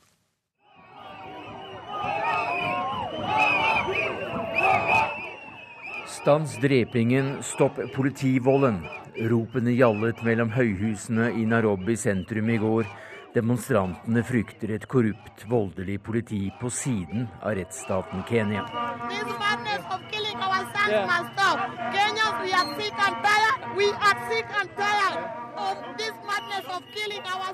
Slutt å drepe våre sønner. Magda Kidani hytter med neven og peker på plakaten med bilder av de drepte. Hun hevder at politiet har egne dødsskvadroner som går etter brysomme borgere. Oppfatningen deler hun med såpass mange at myndighetene selv måtte avvise påstandene for et par dager siden. Stans ikke-rettslige henrettelser. Vi elsker vårt land, men frykter vårt politi. Bokstavene på T-skjortene er røde, som skrevet i blod. De helte rødt vann i gatene foran politiets hovedkvarter, parlamentet, presidentens kontor og Høyesterett. Symbolske pappkister ble båret rundt, med navnene på de drepte skrevet med røde, rennende bokstaver. Kimani, Mwenda, Mururi. De tre ble funnet i elven Ati sist torsdag, drept og mishandlet. Det var i april i fjor at motorsykkelsjåføren Mewanda kom i klammeri med politiet. Han ble skutt i armen, og da han anmeldte forholdet, ble han siktet for narkotika og trafikkforseelser. Mewanda var modig, sa talspersonen for den USA-baserte internasjonale juristorganisasjonen IJM da demonstrasjonen passerte Høyesterett. Han var modig fordi han ikke gjorde som folk flest, bare betalte seg ut av problemene med landets korrupte politi, ifølge talsmannen. Han fikk hjelp av menneskerettighetsadvokaten Kimani. De to hadde vært i rettsmøte da de forsvant sammen med sjåføren 23.6. Ifølge dagens Daily Nation, landets største avis, ble de holdt fanget i en skipscontainer før de ble drept og kastet i elven. Advokater, kommentatorer og menneskerettighetsaktivister ser på de tre drapene som de siste av en rekke politiske mord med tilknytning til offentlige instanser. Landets advokater boikotter arbeidet i rettssalene i en uke i protest.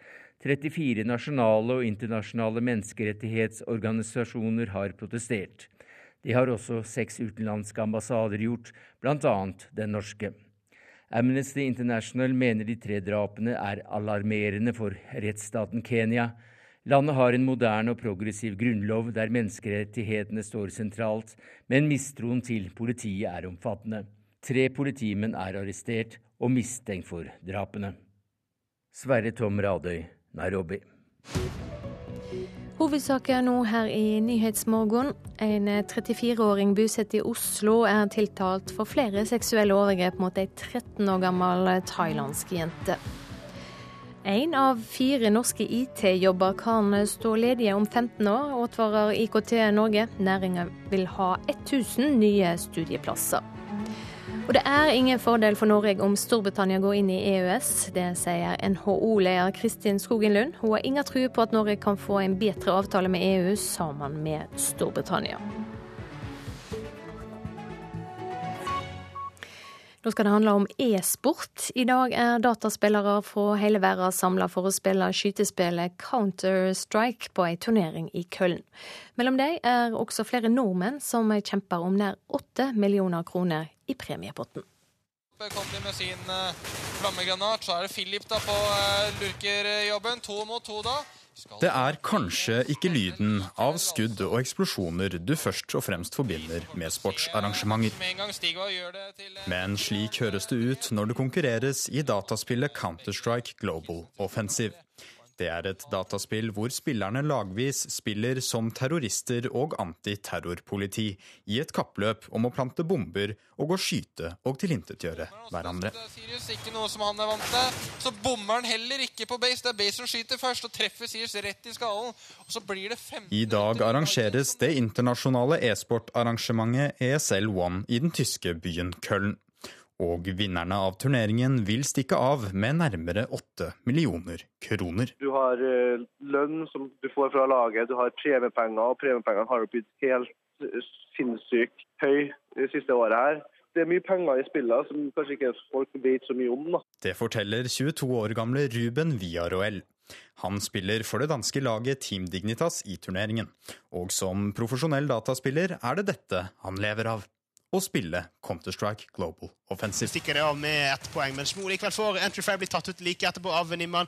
BG var klar til å stikke av med en liten PDT. For førstemann blir tatt ut med en Da jeg var liten unge, så var det mer som en hobby der du bare spilte med vennene dine for å ha noe å gjøre. da.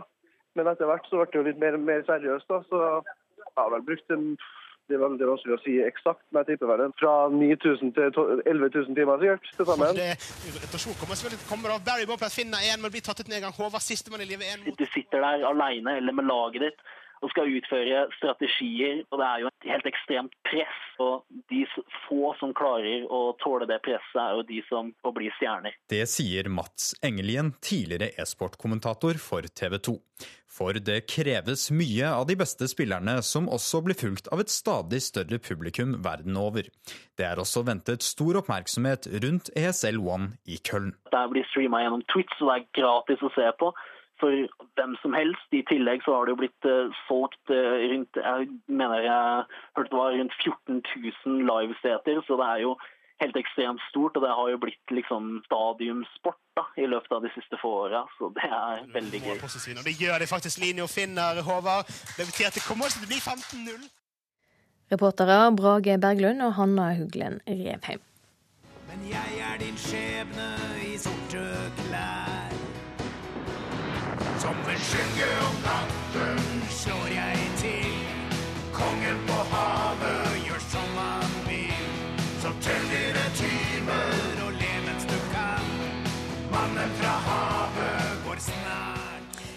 Dyreparken i Kristiansand fyller 50 år i år.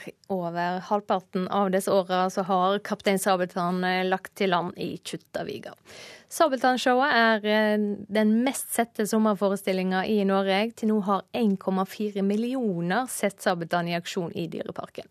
Årets forestilling hadde premiere i går kveld. Vår teaterkritiker fikk med seg generalprøver Karin Frøsland Nystøl. Hvordan er årets Sabeltannshow? Ja, det er fullt av pyroteknikk og flygende karakterer. Men jeg syns det er lite spenstig allikevel. Det har en ganske treig start. De klarer ikke helt å etablere eh, hvor vi er hen eh, så raskt, og det er litt nødvendig. Det er ei historie om greven av Gral denne gangen som tar eh, underlige vendinger, syns jeg. Men mest av alt så blir jeg litt skuffa over at de i stor grad bruker playback. For det tenker jeg at i et show av denne typen så er det både overraskende og unødvendig, fordi det skaper så store variasjoner i energinivået i forestillinga. For det går opp og ned hele tida, grunn av dette. Um, tematisk så handler det om uh, oppofrelse, annet. Om vennskap og sånt. Men jeg syns det handler mest om å ofre seg for noen andre. Og så syns jeg at han herre Sabeltann, han er en underlig karakter. Hvordan da? Nei, altså Han er jo ikke skummel. I hvert fall ikke i denne forestillinga. Dette er jo Kaptein Sabeltann og Den forheksede øya vi ser i år. Det er jo greven av Gral som virkelig er den skumle, mens Sabeltann han er litt egoistisk. Han er veldig grådig, og så er han litt som en sånn kosebamse, nesten. Så man blir ikke redd for han når han går omkring. Men altså, tilbake til han som karakter. Han setter jo gull foran sine medmennesker. Han løfter ikke en finger for å få noe som helst gjort. Så det er jo ikke han som er igangsetter. Det er ikke han som får de viktige tingene til å skje. Men han har en gjeng av lojale folk rundt seg. Virkelig lojale folk. Og jeg tenker for en leder, altså. For en makthåndtering denne typen her har. Og kanskje er det nettopp det der uangripelige, da, som fascinerer oss ved Sabeltann, for han er ikke lett å få grep om. Um, og i dette stykket her så er det andre som hjelper han. Han går rett i fella, og, og det gjør nesten alle andre òg, men det er han, altså han må ha hjelp av sin verste fiende for å klare seg. Men sier han takk? Nei, det gjør han ikke. Ja, burde han vært mer skummel for å treffe publikummet sitt? Eh, nei, altså egentlig ikke, for dette er beregna på barn Altså, det kom jo barn ned i toårsalder. Jeg har sittet på toget sørover og sett barn som, som går i bleie, som skal se sabeltannshow. Akkurat på generalprøven så var det veldig mange voksne, men jeg tenker at han trenger ikke å være så skummel når han er såpass eh, interessant allikevel. Det skumle ivaretas av denne pyroteknikken og av de andre som er rundt han, så det er greit. Um, nå, nå, sa jo Dyreparken at de spilte et helt nytt show i år, men det er jo ikke sant. For Kaptein Sabeltann og Den forheksede øya, den historien har funnes siden år 2000 og ble sist spilt i 2009. Men eh, den sangen vi hørte, den er ny i år. Og pyroteknikken er jo eh, Den har ikke vært så, så, enorm før som den er nå, og det flyr jo karakterer over og sånn. Så det er for så vidt et nytt show som er, eller et gammelt show som er friska litt opp, som de leverer i år. Ja, hva er dommen, da? Ja, Det er til tider spektakulært, men det spektakulære blir litt påtatt òg. Jeg må si det rett ut, jeg syns ikke forestillinga lever opp til sitt rykte. Uh, nå så jeg generalprøven, og der er det jo kanskje et annet energinivå enn det er på premiere. Men jeg syns ikke de utnytter potensialet som ligger der i koreografien. Jeg syns at det varierende energinivået er et minus ved forestillinga. Men det gode det er at noe faktisk står på spill. Og det at det handler om oppofrelse og, og, makt, er ganske interessant. Um, playbacken stikker kjeppe i hjulene for gode skuespillere som jobber på for å holde intensiteten oppe.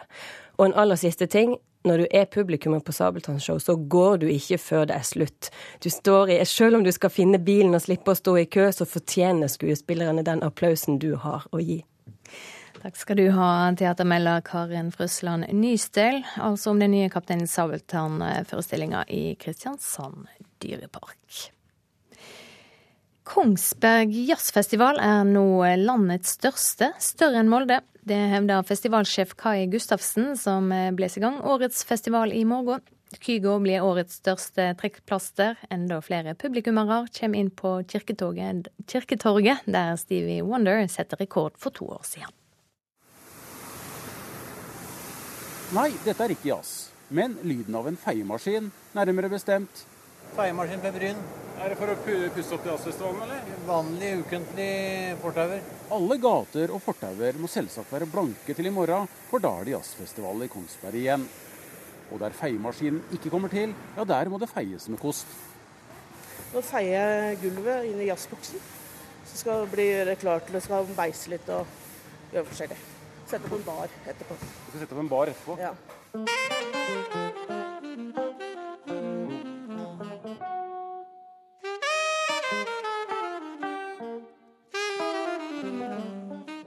Byen står på huet i dag før Pat Metini går på scenen under åpningskonserten i morgen.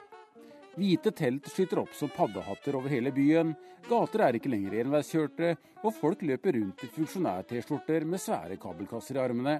Noen har det mer travelt enn andre. Hei. Det er uh, Norsk Rikskringkasting. God dag.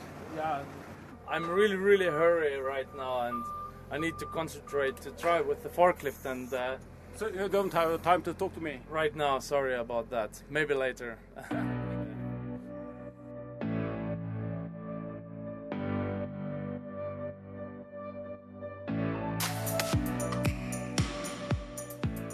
Kongsberg Jazzfestival har blitt så stor at halve regjeringa kommer til byen på åpningsdagen.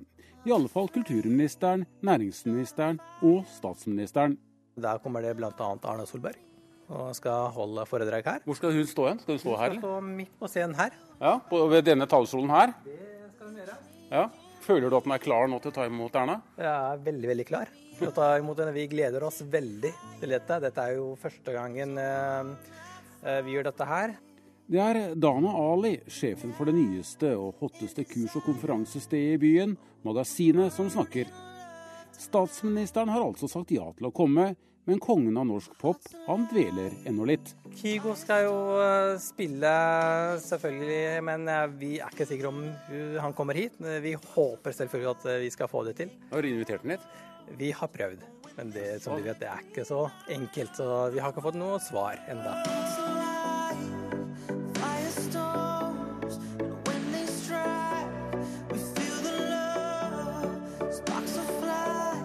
Kygo selger veldig mye billetter. Det som blir veldig kult på Kygo-konserten, er at der er det 16 av landets fremste jazzmusikere i Ensemble Denada som, som sitter og skriver og øver som gale nå. Og det skal bli veldig kult å se Kygo med jazzmusikere. Det sier festivalsjefen sjøl, Kai Gustavsen, som mener Kygo skal pakke Kirketorget enda tettere enn det Stevie Wonder klarte under jubileumsfestivalen for to år siden. På fredag så blir det over 10 000 mennesker der. Ja. Er, er, det mer enn det var på Stevie Wonder? Ja, det er det. Vi, da hadde vi satt en grense på 10 000. Nå øker vi den lite grann, men uh, ikke mye. Så det blir 10 000 mennesker der.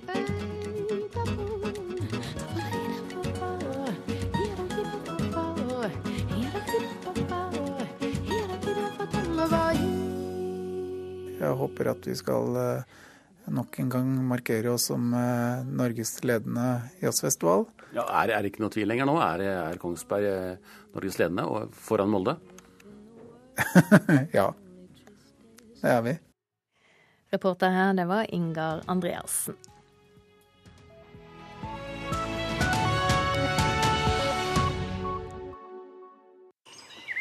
Sommer i P2. Hei, jeg heter Leif Magne Helgesen. Jeg er sokneprest på Svalbard. Og mitt sommer i P2 i dag handler om det vonde og det onde. Sommer i P2. I dag klokken ti.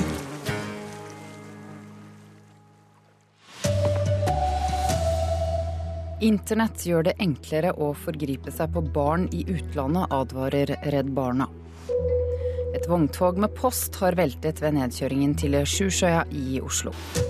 Her er NRK Dagsnytt klokken 8.30. Internett har gjort det enda enklere å forgripe seg på barn i fattige land. Det sier Kaja Hegg i Redd Barna.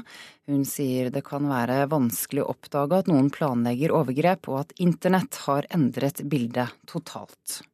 Fordi man kan eh, søke anonymt, man kan eh, komme i kontakt med andre som eh, normaliserer og reduserer terskelen for å begå overgrep. Og man kan også komme i kontakt med folk som trigger trigger deg til å begå overgrep som du egentlig aldri hadde tenkt at du skulle begå. FNs generalsekretær Ban Ki-moon fordømmer Israels avgjørelse om å bygge nye boliger for jødiske bosettere på Vestbredden og i Jerusalem. FN-lederen sier han er dypt skuffet over Israels godkjenning av 800 nye boliger, en avgjørelse som kommer få dager etter at Midtøsten Kvartetten ba om stans i bosettingen. Kvartetten består av USA, Russland, FN og EU. På fredag la de frem en rapport som ledd i et nytt internasjonalt forsøk på å gjenopplive fredsprosessen. Den canadiske kvinnen som omkom på en fjelltur i Flom, ble funnet i bratt terreng. Det sier operasjonsleder i politiet Trond Hatlenes. Letemannskaper fant kvinnen like etter klokken 20 i går kveld. Kvinna ble meldt uh, funnet klokka 20.01 av redningshelikopteret. Så uh, fant hun uh, på nordsida av Vidmenosi, som blir da like i nærheten av aktuelt turområde som hun hadde tenkt å gå i. Vet dere noe om hva som har skjedd med henne? Vi vet ikke akkurat hva som har skjedd, men hun ble funnet i et slikt område som tilsier at hun kan ha falt ned dit. Der hun ble funnet, var det veldig bratt, og var ikke et slikt terreng man vanligvis vil ferdes i. Kvinnen jobbet som turguide og ble meldt savnet da hun ikke kom tilbake fra en fjelltur på søndag. Reporter Marie Stavsnes Oland. En eh, person er kjørt til Ullevål sykehus etter at et vogntog veltet på lokket over E18 ved nedkjøringen til Sjusjøya i Oslo. Politiet undersøker hva som har skjedd, sier innsatsleder Steinar Syversen halv sju da, så fikk vi melding om at det var en lastebil som hadde velta her i, på lokket ned til Sydhavna i Oslo. Eh, når vi kommer til stedet, så ligger lastebilen på sida. Og det, det, vi gjør på stedet nå, er eh, teknisk og taktisk undersøkelse for å finne ut egentlig hva som har skjedd her. At trafikken forbi ulykkesstedet blir eh, omdirigert, og Oslo brann- og redningsetat jobber også med å få fjernet vogntoget. NRK Dagsnytt, Ida Creed. En eh, selvmordsbomber drap fire tryggingsvakter og såra fem andre da han i natt sprengte seg eh, like ved en av eh, islams mest hellige steder i den saudiarabiske byen Medina. Angrepet var det tredje i Saudi-Arabia i går. Moskeen i Medina regnes som profeten Mohammeds gravplass og er det nest helligste stedet i islam etter Mekka. Og i går kveld sprengte en selvmordsbomber seg like utenfor moskeen og tok livet av fire sikkerhetsvakter. Den såkalte islamske stat antas å stå bak gårsdagens tre angrep i Saudi-Arabia, som har vekket stor avsky blant muslimer verden over, da den hellige ramadan-måneden nærmer seg slutten og muslimer samles for å feire id. Angrepet utenfor Profetens moské er en del av en bølge som IS antas å stå bak i løpet av den siste uken, etter angrepet på flyplassen i Istanbul, i Bangladeshs hovedstad Dhaka og i Bagdad. Det kan tolkes som et desperat forsøk fra IS på å markere seg etter at terrororganisasjonen har lidd en rekke tap i Irak og Syria den siste tiden. Det sa reporter Tobias Fossheim Wienskjold. En 34 år gammel mann som er bosatt i Oslo, er tiltalt for flere seksuelle overgrep mot ei 13 år gammel thailandsk jente. Mannen skal ha betalt 70 kroner dagen til en bareier for å få med seg jenta, sier bistandsadvokaten hennes, Haldis Vinje. Dette er jo et bilde på hva skal jeg si, de rikes utnyttelse av, eh, av den fattige verden. En forretningsmann bosatt i Oslo, opprinnelig svensk statsborger, skal ha kjøpt jenta på en sexbar på ferieøya Kosamy. For 70 kroner dagen, ifølge jentas egen forklaring.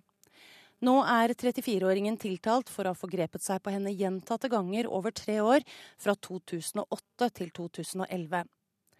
Statsadvokat Asbjørg Lykken syns saken er svært alvorlig. Det å i det hele tatt å kjøpe sex er eh, straffbart etter norsk lov. Villfarelse om alder er ikke noe som fører til straffrihet. Saken mot forretningsmannen i Oslo ble oppdaget ved en tilfeldighet. Han ble tatt med narkotika, og politiet ransaket leiligheten hans. Der fant de overgrepsfilmer og bilder av den thailandske jenta. Hva tenker du om at dette kommer opp såpass uh, tilfeldig? Så det er jo gjerne um, dessverre sånn som det er med, med, de sakene med seksuelle overgrep mot barn. Det er gjerne tilfeldigheter som gjør om det kommer fram eller ikke. For den unge jenta i Thailand endret livet seg for alltid. Hun ble gravid med Oslo-mannen og fødte ei datter da hun var bare 14. Hun skjønner at det er galt, men altså, hun uh, har jo liten skolegang. og helt hvilken forståelse hun har og hva hun trekker ut av dette, er litt, uh, det er jeg ikke helt sikker på. 34-åringen skal ha nektet straffskyld, men forsvareren hans vil ikke kommentere NRKs opplysninger om saken. Rettssaken mot ham starter til høsten, og tiltalte risikerer ti års fengsel dersom han blir dømt. Reporter Anne Marte Moland. Norske styresmakter gjør for lite for å hindre overgrep mot eh, barn i fattige land. Det sier Kaja Hegg i Redd Barna. Det er eh, lett å slippe unna, fordi at mesteparten av planlegging kan man ha gjort i forkant. Og man kan ha gjort det anonymt, og man har kunnet gjøre det i fellesskap som man ikke har peiling på. Det er eh, vanskelig å lage kontrollmekanismer som gjør at, eh, at man får kontroll over hvem som reiser til utland for å begå overgrep mot barn. Og hun mener internett har gjort det enda enklere. Det har endra bildet totalt, fordi man kan søke anonymt. Man kan komme i kontakt med andre som normaliserer og reduserer terskelen for å begå overgrep. Og man kan også komme i kontakt med folk som trigger trigger deg til å begå overgrep som du egentlig aldri hadde tenkt at du skulle eh, begå. Den siste tida har NRK sett søkelys på seksualforbrytere som reiser til fattige land for å forgripe seg på barn. Ved å gå gjennom 125 av de alvorligste norske overgrepssakene de siste åra, fant NRK igjen domfelte i en rekke risikoland, bl.a. Thailand og Filippinene. Vi gjør ikke nok for å beskytte barna. Eh, vi gjør en god del, og særlig på politisiden så har det vært gjort en del, sånn at man får noen saker og også kan bidra til å finne barna. Men mye mer må gjøres for å identifisere de berørte barna og hjelpe dem. Men det må også gjøres mye mer for å forebygge at dette skjer, og at de fattige land eh, når de får nettilgang, må få informasjon om risikoer og skadevirkninger. Reporter Eirin Årdal. Regjeringa må slutte å presse flere kommuner inn i sammenslåingsprosjekt der de ikke er ønska. Det sier leder for kommunalkomiteen Helge André Njåstad fra Frp. Over hele landet finnes det kring 70 ja-kommuner som gjerne vil ha kommunesammenslåing, men som ikke er ønska av en eller flere av naboene. Mange av de håper på å få drahjelp inn i nye storkommuner, men Njåstad oppmoder rikspolitikerne om å ikke å gjøre det. Det vil være, vil være, dumt av Stortinget å, å bruke den eh, skjære gjennom muligheten sin, eh, sånn at man eh, skaper en dårlig start eh, i starten. Da er det bedre at, eh, at man får det som kommer ut av de lokale prosessene. Det ligger ikke an til å bli så mange sammenslåinger i kommunereformen, og Helge André Njåstad er nå mest opptatt av at de få som ser ut til å være i boks, ikke skal ryke, de òg. Det kan skje i Indre Sunnfjord. Der går de fire kommunene rundt Førde mot ei sammenslåing, men én av dem, Jølster, har vedtatt at de bare blir med om ingen andre enn de fire får bli med. Et merkelig vedtak. Det sier ordfører i Fjaler, Gunhild Bergestang. Hun vil gjerne være med på sammenslåing med Førde, og Førde vil gjerne ha henne med, men de får ikke lov av Jølster. Nei, Jeg forstår det egentlig ikke, hvorfor, eh, hvorfor det er så viktig for dem. Fjaler er en ressursrik eh, kommune som eh, vil kunne tilføre mye i en, en, eh, et sånt større en sånn større sammenslåing. Men varaordfører i Jølster, Jakob André Sandal, sier at det ikke er aktuelt å åpne døra for Fjaler. Vi har vært klare på i, kommunestyret i Jølster, og det har vært samreiste òg, at det er, er det alternativet som vi har spurt innbyggerne om, som er, er, det vi går for. De andre alternativene ble for store i, i ut, utstrekning, rett og slett. Og den frustrerte ordføreren kommer heller ikke til å få hjelp av regjeringa sin mann i kommunalkomiteen. Når fire kommuner har funnet sammen og er blitt, blitt enige, eh, så tror jeg det vil være veldig dumt av Stortinget å, eh, å tvinge på en måte flere inn i det samarbeidet eh, i denne fasen. Det er ikke det synd på Fjaler og Askvoll, som så gjerne vil ha kommunesammenslåing, men som ikke får det pga. én kommune som blokkerer dem ute? Jo, og jeg har ikke problemer med å forstå de uh, kommunene og ordførerne som, er, som, gjerne ønsker en kommunereform, men som, uh, som, ikke på en måte kommer med i denne fasen. Så er det klart at det er frustrerende uh, for dem. Men det er ikke sikkert resultatet blir bedre av at det er Stortinget som skal inn og skjære gjennom. Når de lokale prosessene ender sånn som de har gjort, så så på en måte er kortene delt litt ut. Og når ikke engang den ivrige sammenslåingsforkjemperen Njåstad vil åpne for å bruke tvang, går det mot fortsatt alenegang for den vesle kommunen Fjaler, selv om over 80% av folket har svart at de vil ha kommunesammenslåing. Fjaler, som er en kommune som har vært vel, stått på i kommunereformer, har stilt seg veldig grunnleggende positivt til dette, så er det jo litt eh, sårt at vi blir stående alene. Reporter her Alexander Åsnes. Norske festivalarrangører er opptatt av tryggleik, og fortalte Dagsavisen i dag at dette er noe de satser på, kulturreporter Nikolai Volsdal. Ja, og Det er nettopp fordi at eh, forrige helg så mottok eh, svensk politi i eh, Karlstad 27 anmeldelser om seksuelle overgrep på Putte i Parken-festivalen, som omfattet av barn helt ned i tolvårsalderen. Og Foreløpig så er det syv mistenkte gjerningsmenn med et aldersspenn på 15 til 35 år involvert. Og Det er ikke første gang noe slikt skjer i Sverige? Nei, dessverre. Eh, tidligere i sommer så var det også fem som ble anmeldt for voldtekt under Bråvalla-festivalen i Sverige. Eh, hvor det også da er et inngjerdet festivalområde der folk betaler for å komme inn. Mens på Putti parken så er det et åpent, det er et åpent gratis utearrangement med flere mindreårige og kanskje ikke da helt ulikt eh, VG-listearrangementene her i Norge. Ja, hvordan er det med de norske festivalene? Jo, Dagsavisen har jo da snakket med Torbjørn Heitmann Valum i Norske konsertarrangører, som understreker at norske festivaler er svært opptatt av sikkerhet på festivalene, og berømmer for øvrig VG-lista for å være blant de flinkeste arrangørene i bransjen når det kommer til sikkerhet, selv om det også da er et eh, gratis arrangement, eh, fordi det også da er politi og natteravner til stede. Og de har dessuten også snakket med Jonas Prangre, som er PR-ansvarlig i Øyafestivalen, som forteller at de alltid har politi til stede på festivalene, og hevder at eh, tilbakemelding om sikkerhet fra dem har vært positiv så langt. Hva annet skjer i kulturværa i dag? Jo, for så skriver Dagens Næringsliv i dag at eh, radiolyttingen holder seg stabil, sammenlignet med papiraviser og fjernsyn. Eh, blant annet så økte P4 deres omsetning med over 14 millioner kroner i fjor. Eh, og dessuten så uttaler Stein Erik Hagen til Aftenposten Osleby at Nasjonalmuseet må kunne sikre at det blir plass til kunsten hans i det nye museet på Vestbanen, ellers så blir det ikke noe utlån. Hovedsaker nå her i Nyhetsmorgen. En 34-åring eh, bosatt i Oslo er tiltalt for flere seksuelle overgrep mot ei 13 år gammel thailandsk jente. Norske styresmakter gjør for lite for å hindre overgrep mot barn i fattige land, mener Redd Barna. Én av fire norske IT-jobber kan stå ledige om 15 år, advarer IKT Norge. Næringa vil ha 1000 nye studieplasser. Og I natt kom den amerikanske romsonden Juno fram til den største planeten i solsystemet, Jupiter. Det blir mer om det straks her i Nyhetsmorgen. Det er ikke en fordel for Norge om Storbritannia skulle gå inn i EØS. Det sier NHO-sjef Kristin Skogen Lund. Internasjonale medium som Washington Post og Financial Times har de siste ukene intervjua den norske NHO-lederen for å høre mer om den norske modellen, men Skogen Lund advarer Storbritannia mot å gå for en EØS-modell. Nettopp fordi det britene nå har stemt imot, er jo nettopp dette med fri flyt av, av, eh, mennesker, og at de må betale inn til EU og underlegge seg direktiver fra Brussel. Og det er jo det EØS-avtalen er jo et indre marked som gjør at man må nettopp det fordi markedet skal være likt.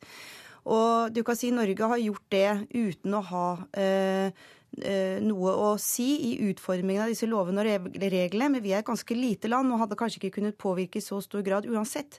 Men Storbritannia er altså EUs nest største økonomi og har veldig mye de skulle sagt. Og hvorfor de skal da ta det de stemmer imot i, eh, likevel, og, men uten å kunne ha eh, innflytelse i den beslutningen, det forstår jeg bare ikke at kan være en modell som kan fungere etter den avstemningen de har hatt. Men kan det ikke være bra for Norge dersom Storbritannia blir med i EØS?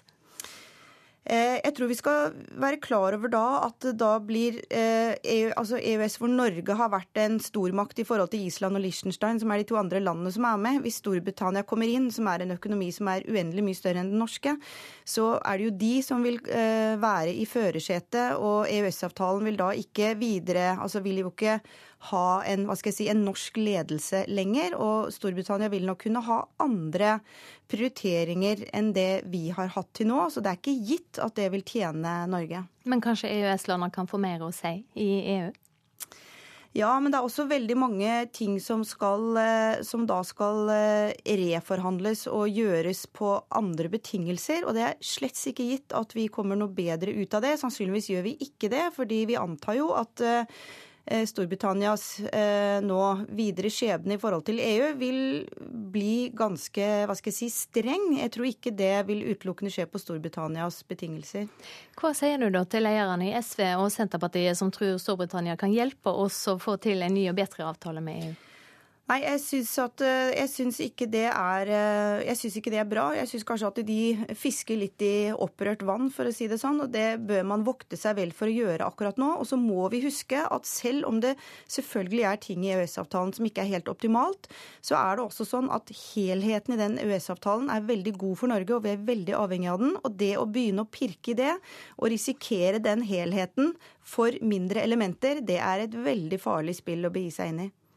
Du var nylig i London i helga som var. Hvordan er stemninga der nå? Hva sier dine britiske kollegaer? Altså Mine britiske kolleger er jo fortvilet. De har jo vært eh, sterkt imot en, en, eh, brexit, og de er veldig bekymret for den usikkerheten som råder. De er veldig bekymret for den, hva skal jeg si, det manglende lederskapet som er. Eh, de hadde, de hadde et møte med Cameron i uken som var. og påpekte dette tydelig. Han, jo, han, trekker seg jo, og vi ser jo at én etter én av de som sto i spissen for brexit-kampanjen, gjør jo det samme. ikke sant? Så her er det et totalt ledelsesvakuum i alle leirer, egentlig. Og det er klart at for forretningslivet og økonomien i Storbritannia så er jo dette veldig bekymringsfullt. Ja, det sa NHO-sjef Kristin Skogen Lund, og hun var her i Nyhetsmorgen litt tidligere i dag. Dagen i dag blir eh, kalla en merkedag for romfarten. I natt kom nemlig den amerikanske romsonden Juno fram til den største planeten i solsystemet, Jupiter. Der skal sonden holde seg i lang tid og gi forskerne ny innsikt. Og kollega Halvard Sandberg, du følger jo ekstra godt med på, på disse tinga. Hvorfor blir det kalla en merkedag? Vel, Det er jo en merkedag for amerikanerne i og med at det skjedde i natt. Så ble det jo 4. juli, altså uavhengighetsdagen det skjedde, og det var jo planlagt at de skulle ha noe sånn skikkelig fyrverkeri. Merkedag er fordi at det er eh, langt vekk. Det er fryktelig vanskelig å så komme seg nøyaktig inn i bane rundt Jupiter. Og det har skjedd bare én gang før at du har hatt en sånn satellitt i bane rundt eh, Jupiter. Jupiter har jo blitt besøkt eh, flere ganger eh, tidligere, men nå, denne gangen, skal de gjøre noe som er helt spesielt, nemlig at de skal gå i sånn spionsatellittbane rundt planeten. Det betyr at de kan greie å måle og ta bilder av hele planeten istedenfor at man har fulgt liksom sånn noen bånd rundt den før. Nå går den fra pol til pol, og etter hvert som Jupiter snurrer under denne satellitten, så skal de greie å avdekke alt de kan se. Ja, Fortell litt mer om hva denne sonden skal gjøre. Ja, altså Den skal eh, Ja, dessverre så skal den ikke gjøres noe veldig spennende, altså. Den skal ikke det. altså Den er litt grann, sånn For folk som er opptatt av science fiction, og sånt, så er den litt spennende, for den har ikke det store potensial til å så til å finne ut noe som alle sammen Jøss, det var utrolig, det hadde jeg aldri tenkt meg.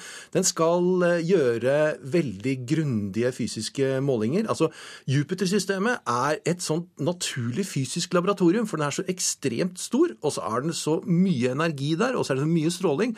Og når du da eh, putter massevis av måleapparater og sensorer i banen rundt der, så får du sett fysiske prosesser du ikke kan se andre steder. Så den skal se f.eks. på nord- og sørlyset på Jupiter, for det har den veldig kraftig akkurat som vi liksom ser nordlyset, så har den også. Og så er det noe merkelig som skjer, f.eks. at det kommer røntgenstråling fra disse områdene, men ikke fra der hvor nordlyset er. Så vi i alle verden gjør den. Og så skal de prøve å finne ut om hvordan er den egentlig bygd opp. Har den en sånn kjerne av stein og metall, slik som eh, vi er, altså jorden? Eh, og det kan fortelle oss litt om hvordan solsystemet er bygd opp. Ja, fortell litt mer om hva vi egentlig vet om, om Jupiter. Vi vet jo ganske mye om eh, Jupiter. Det er da den største planeten i solsystemet. Den har et intenst radioaktivt eh, felt. Den har noen permanente, nesten permanente stormer på overflaten. Den er, består for det meste av gass. Og når eh, gassen blir trukket, eh, trukket sammen pga. tyngdekraften så kraftig som det skjer på Jupiter, så skjer det noe veldig spesielt med gass. Du f.eks. har metallisk hydrogen, regner du med at det er der. Hydrogen er den letteste gassen. Når du trykker den veldig veldig hardt sammen, så blir den som metall. Og hva skjer da med forskjellige prosesser? Og så eh, har den eh, sånn skyformasjoner som eh, er sånn ekstremmeteorologi, med vindhastigheter på mange, mange, mange, mange hundre kilometer i timen. Så det er et fascinerende objekt. Men kanskje det som er mest fascinerende med Jupiter, som denne sonden Galileo som var der før, er månene til Jupiter. Og denne skal ikke ta noe sånn dypdykk ned mot månen. Den skal fokusere på Jupiter selv. Får vi vanlige mennesker noe ut av oppdraget til eh, romsonden Juno? Altså, Du får ikke bedre hamburgere, du gjør ikke det av dette her. Men du får da eh, grunnleggende forskning, altså svar på noen grunnleggende spørsmål. F.eks. disse høyenergiprosessene som foregår i atmosfæren til Jupiter.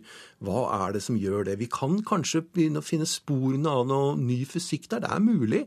Det er, det er i hvert fall ikke umulig at vi kan finne noe som vil overraske oss veldig. Ja, Det er ikke få romsonder som har tatt turen ut i løpet av de siste 59-60 åra. Hvordan eh, vil du skildre denne pæra? Ja, jeg vil eh, skildre den som eh, Det er veldig bra PR-apparat fra NASA akkurat nå. Fordi at hele verden er veldig opptatt av denne sonden Juno. Men da jeg så pressekonferansen i natt fra amerikanerne, så var de mye mer opptatt av hvor vanskelig det var å få den dit, og få den i denne polare banen, altså fra pol til pol, enn egentlig hva instrumentene skal uh, vise oss. Faktisk er det slik at det eneste grunnen til at vi ser bilder fra denne ferden her, er for at noen i PR-apparatet til NASA sa at hør nå her, nå bruker vi en del milliarder dollar på dette her, og dere forskere blir sikkert veldig glad for å ha disse instrumentene som kan finne disse partiklene og strukturen i, i planeten og sånt noe.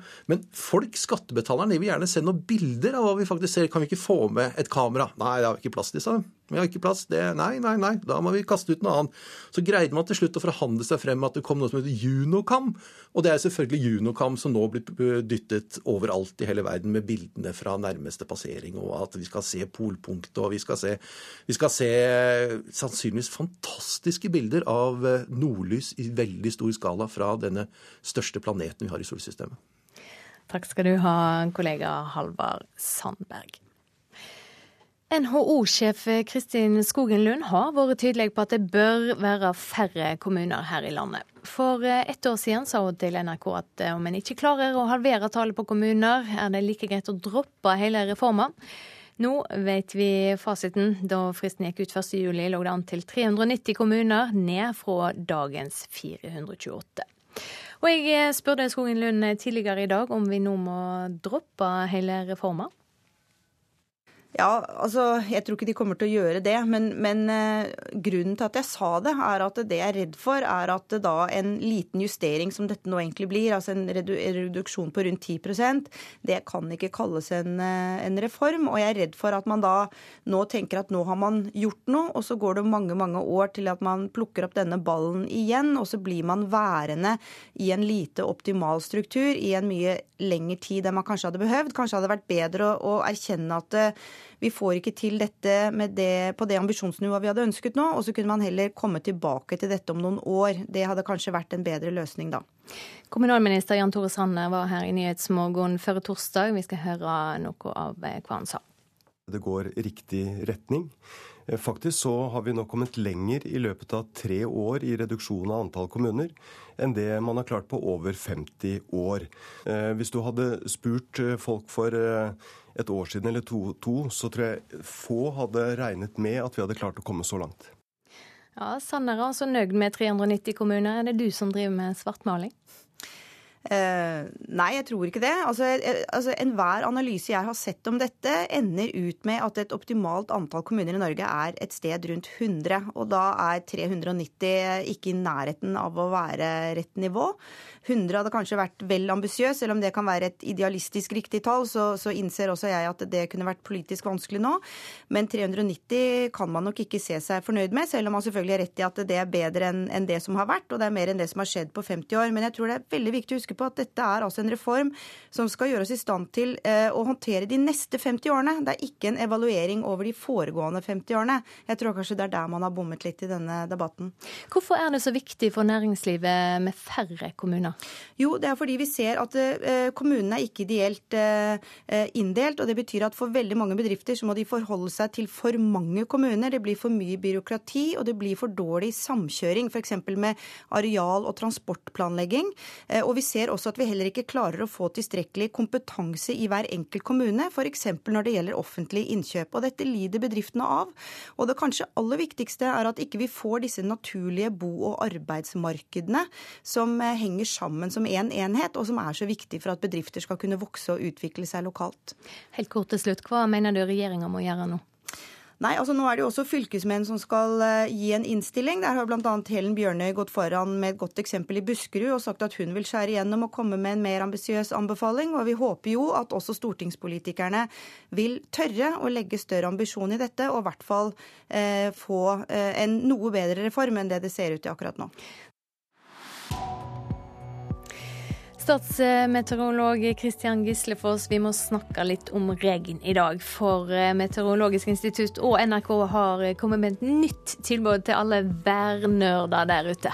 Ja, vi har det. Og denne gangen så er det på mobilsidene til Yr. Så hvis man har en mobil og går inn på yr.no, altså ikke appen, men yr.no, og, eh, og velger et sted, så får man opp noe nytt nå så lenge man ligger innenfor radardekning. Og da har vi tatt i bruk radarene, som da ser nedbøren nå og eh, tilbake litt i tid. Og da, ut ifra de, beregner vi hvor nedbøren vil være i løpet av de neste 90 minuttene. Og dermed så får man eh, noe av det beste nedbørvarslingen man egentlig kan få nå til dags. Og de neste 90 minuttene, da, vel å merke. Så da sier han ifra OK, starter nedbøren om 30 minutter, og sier også hvor intens den blir. Og så slutter den f.eks. om en time. Så dette er Foreløpig så ser det ut til at dette funker veldig bra, og jeg har selv fått oppleve at det har funket tilnærmet perfekt. Og eh, mørke skyer på himmelen, men eh, radaren sa nei, nedbøren treffer ikke deg, og den traff ikke meg. Så, og det var seinest i går. Så, så dette da, blir mer presist? Dette blir veldig mye mer presist. Og det vi kan også si, er at uh, det, det, fort kan skje da at Symbolet på Yr viser regn, men radaren sier faktisk nei, det er ikke regn. Så da stoler vi på det nyeste produktet vårt, altså radaren. Så må vi snakke om, om eh, værvarselet. Og varmen har gitt seg litt i nord? Ja, den har det. Og nå får eh, nordlendingen besøk av mer regnvær. Og eh, særlig da indre strøk av Troms kan få mye nedbør. Det, det kan fort komme opp i en ja, 20-40 millimeter her i løpet av døgnet. Og, så det er sendt ut et sånt såkalt oppsvarsel her på dette. Temperaturen den kommer i Nord-Norge til å ligge på en 10-15 grader, og det blir mm, ja, for det meste vind fra nord, nord og ja, nordøst. Beveger vi oss lenger sørover, ja, 13-18 grader i Midt-Norge. Noen regnbyger, særlig sør for Trondheimsfjorden, ellers oppholdsvær, en del sol. Og lenger sørover så blir det en del sol, særlig østafjells i dag, men ettermiddagsbygene kommer nok på besøk. Takk skal du ha, Kristian Gislefoss. Ansvarlig for Nyhetsmorgen i dag, Erlend Rønneberg. Produsent eh, Arild Svalbjørg. Teknisk ansvarlig Espen Hansen. Og her i studio, Silje Sande.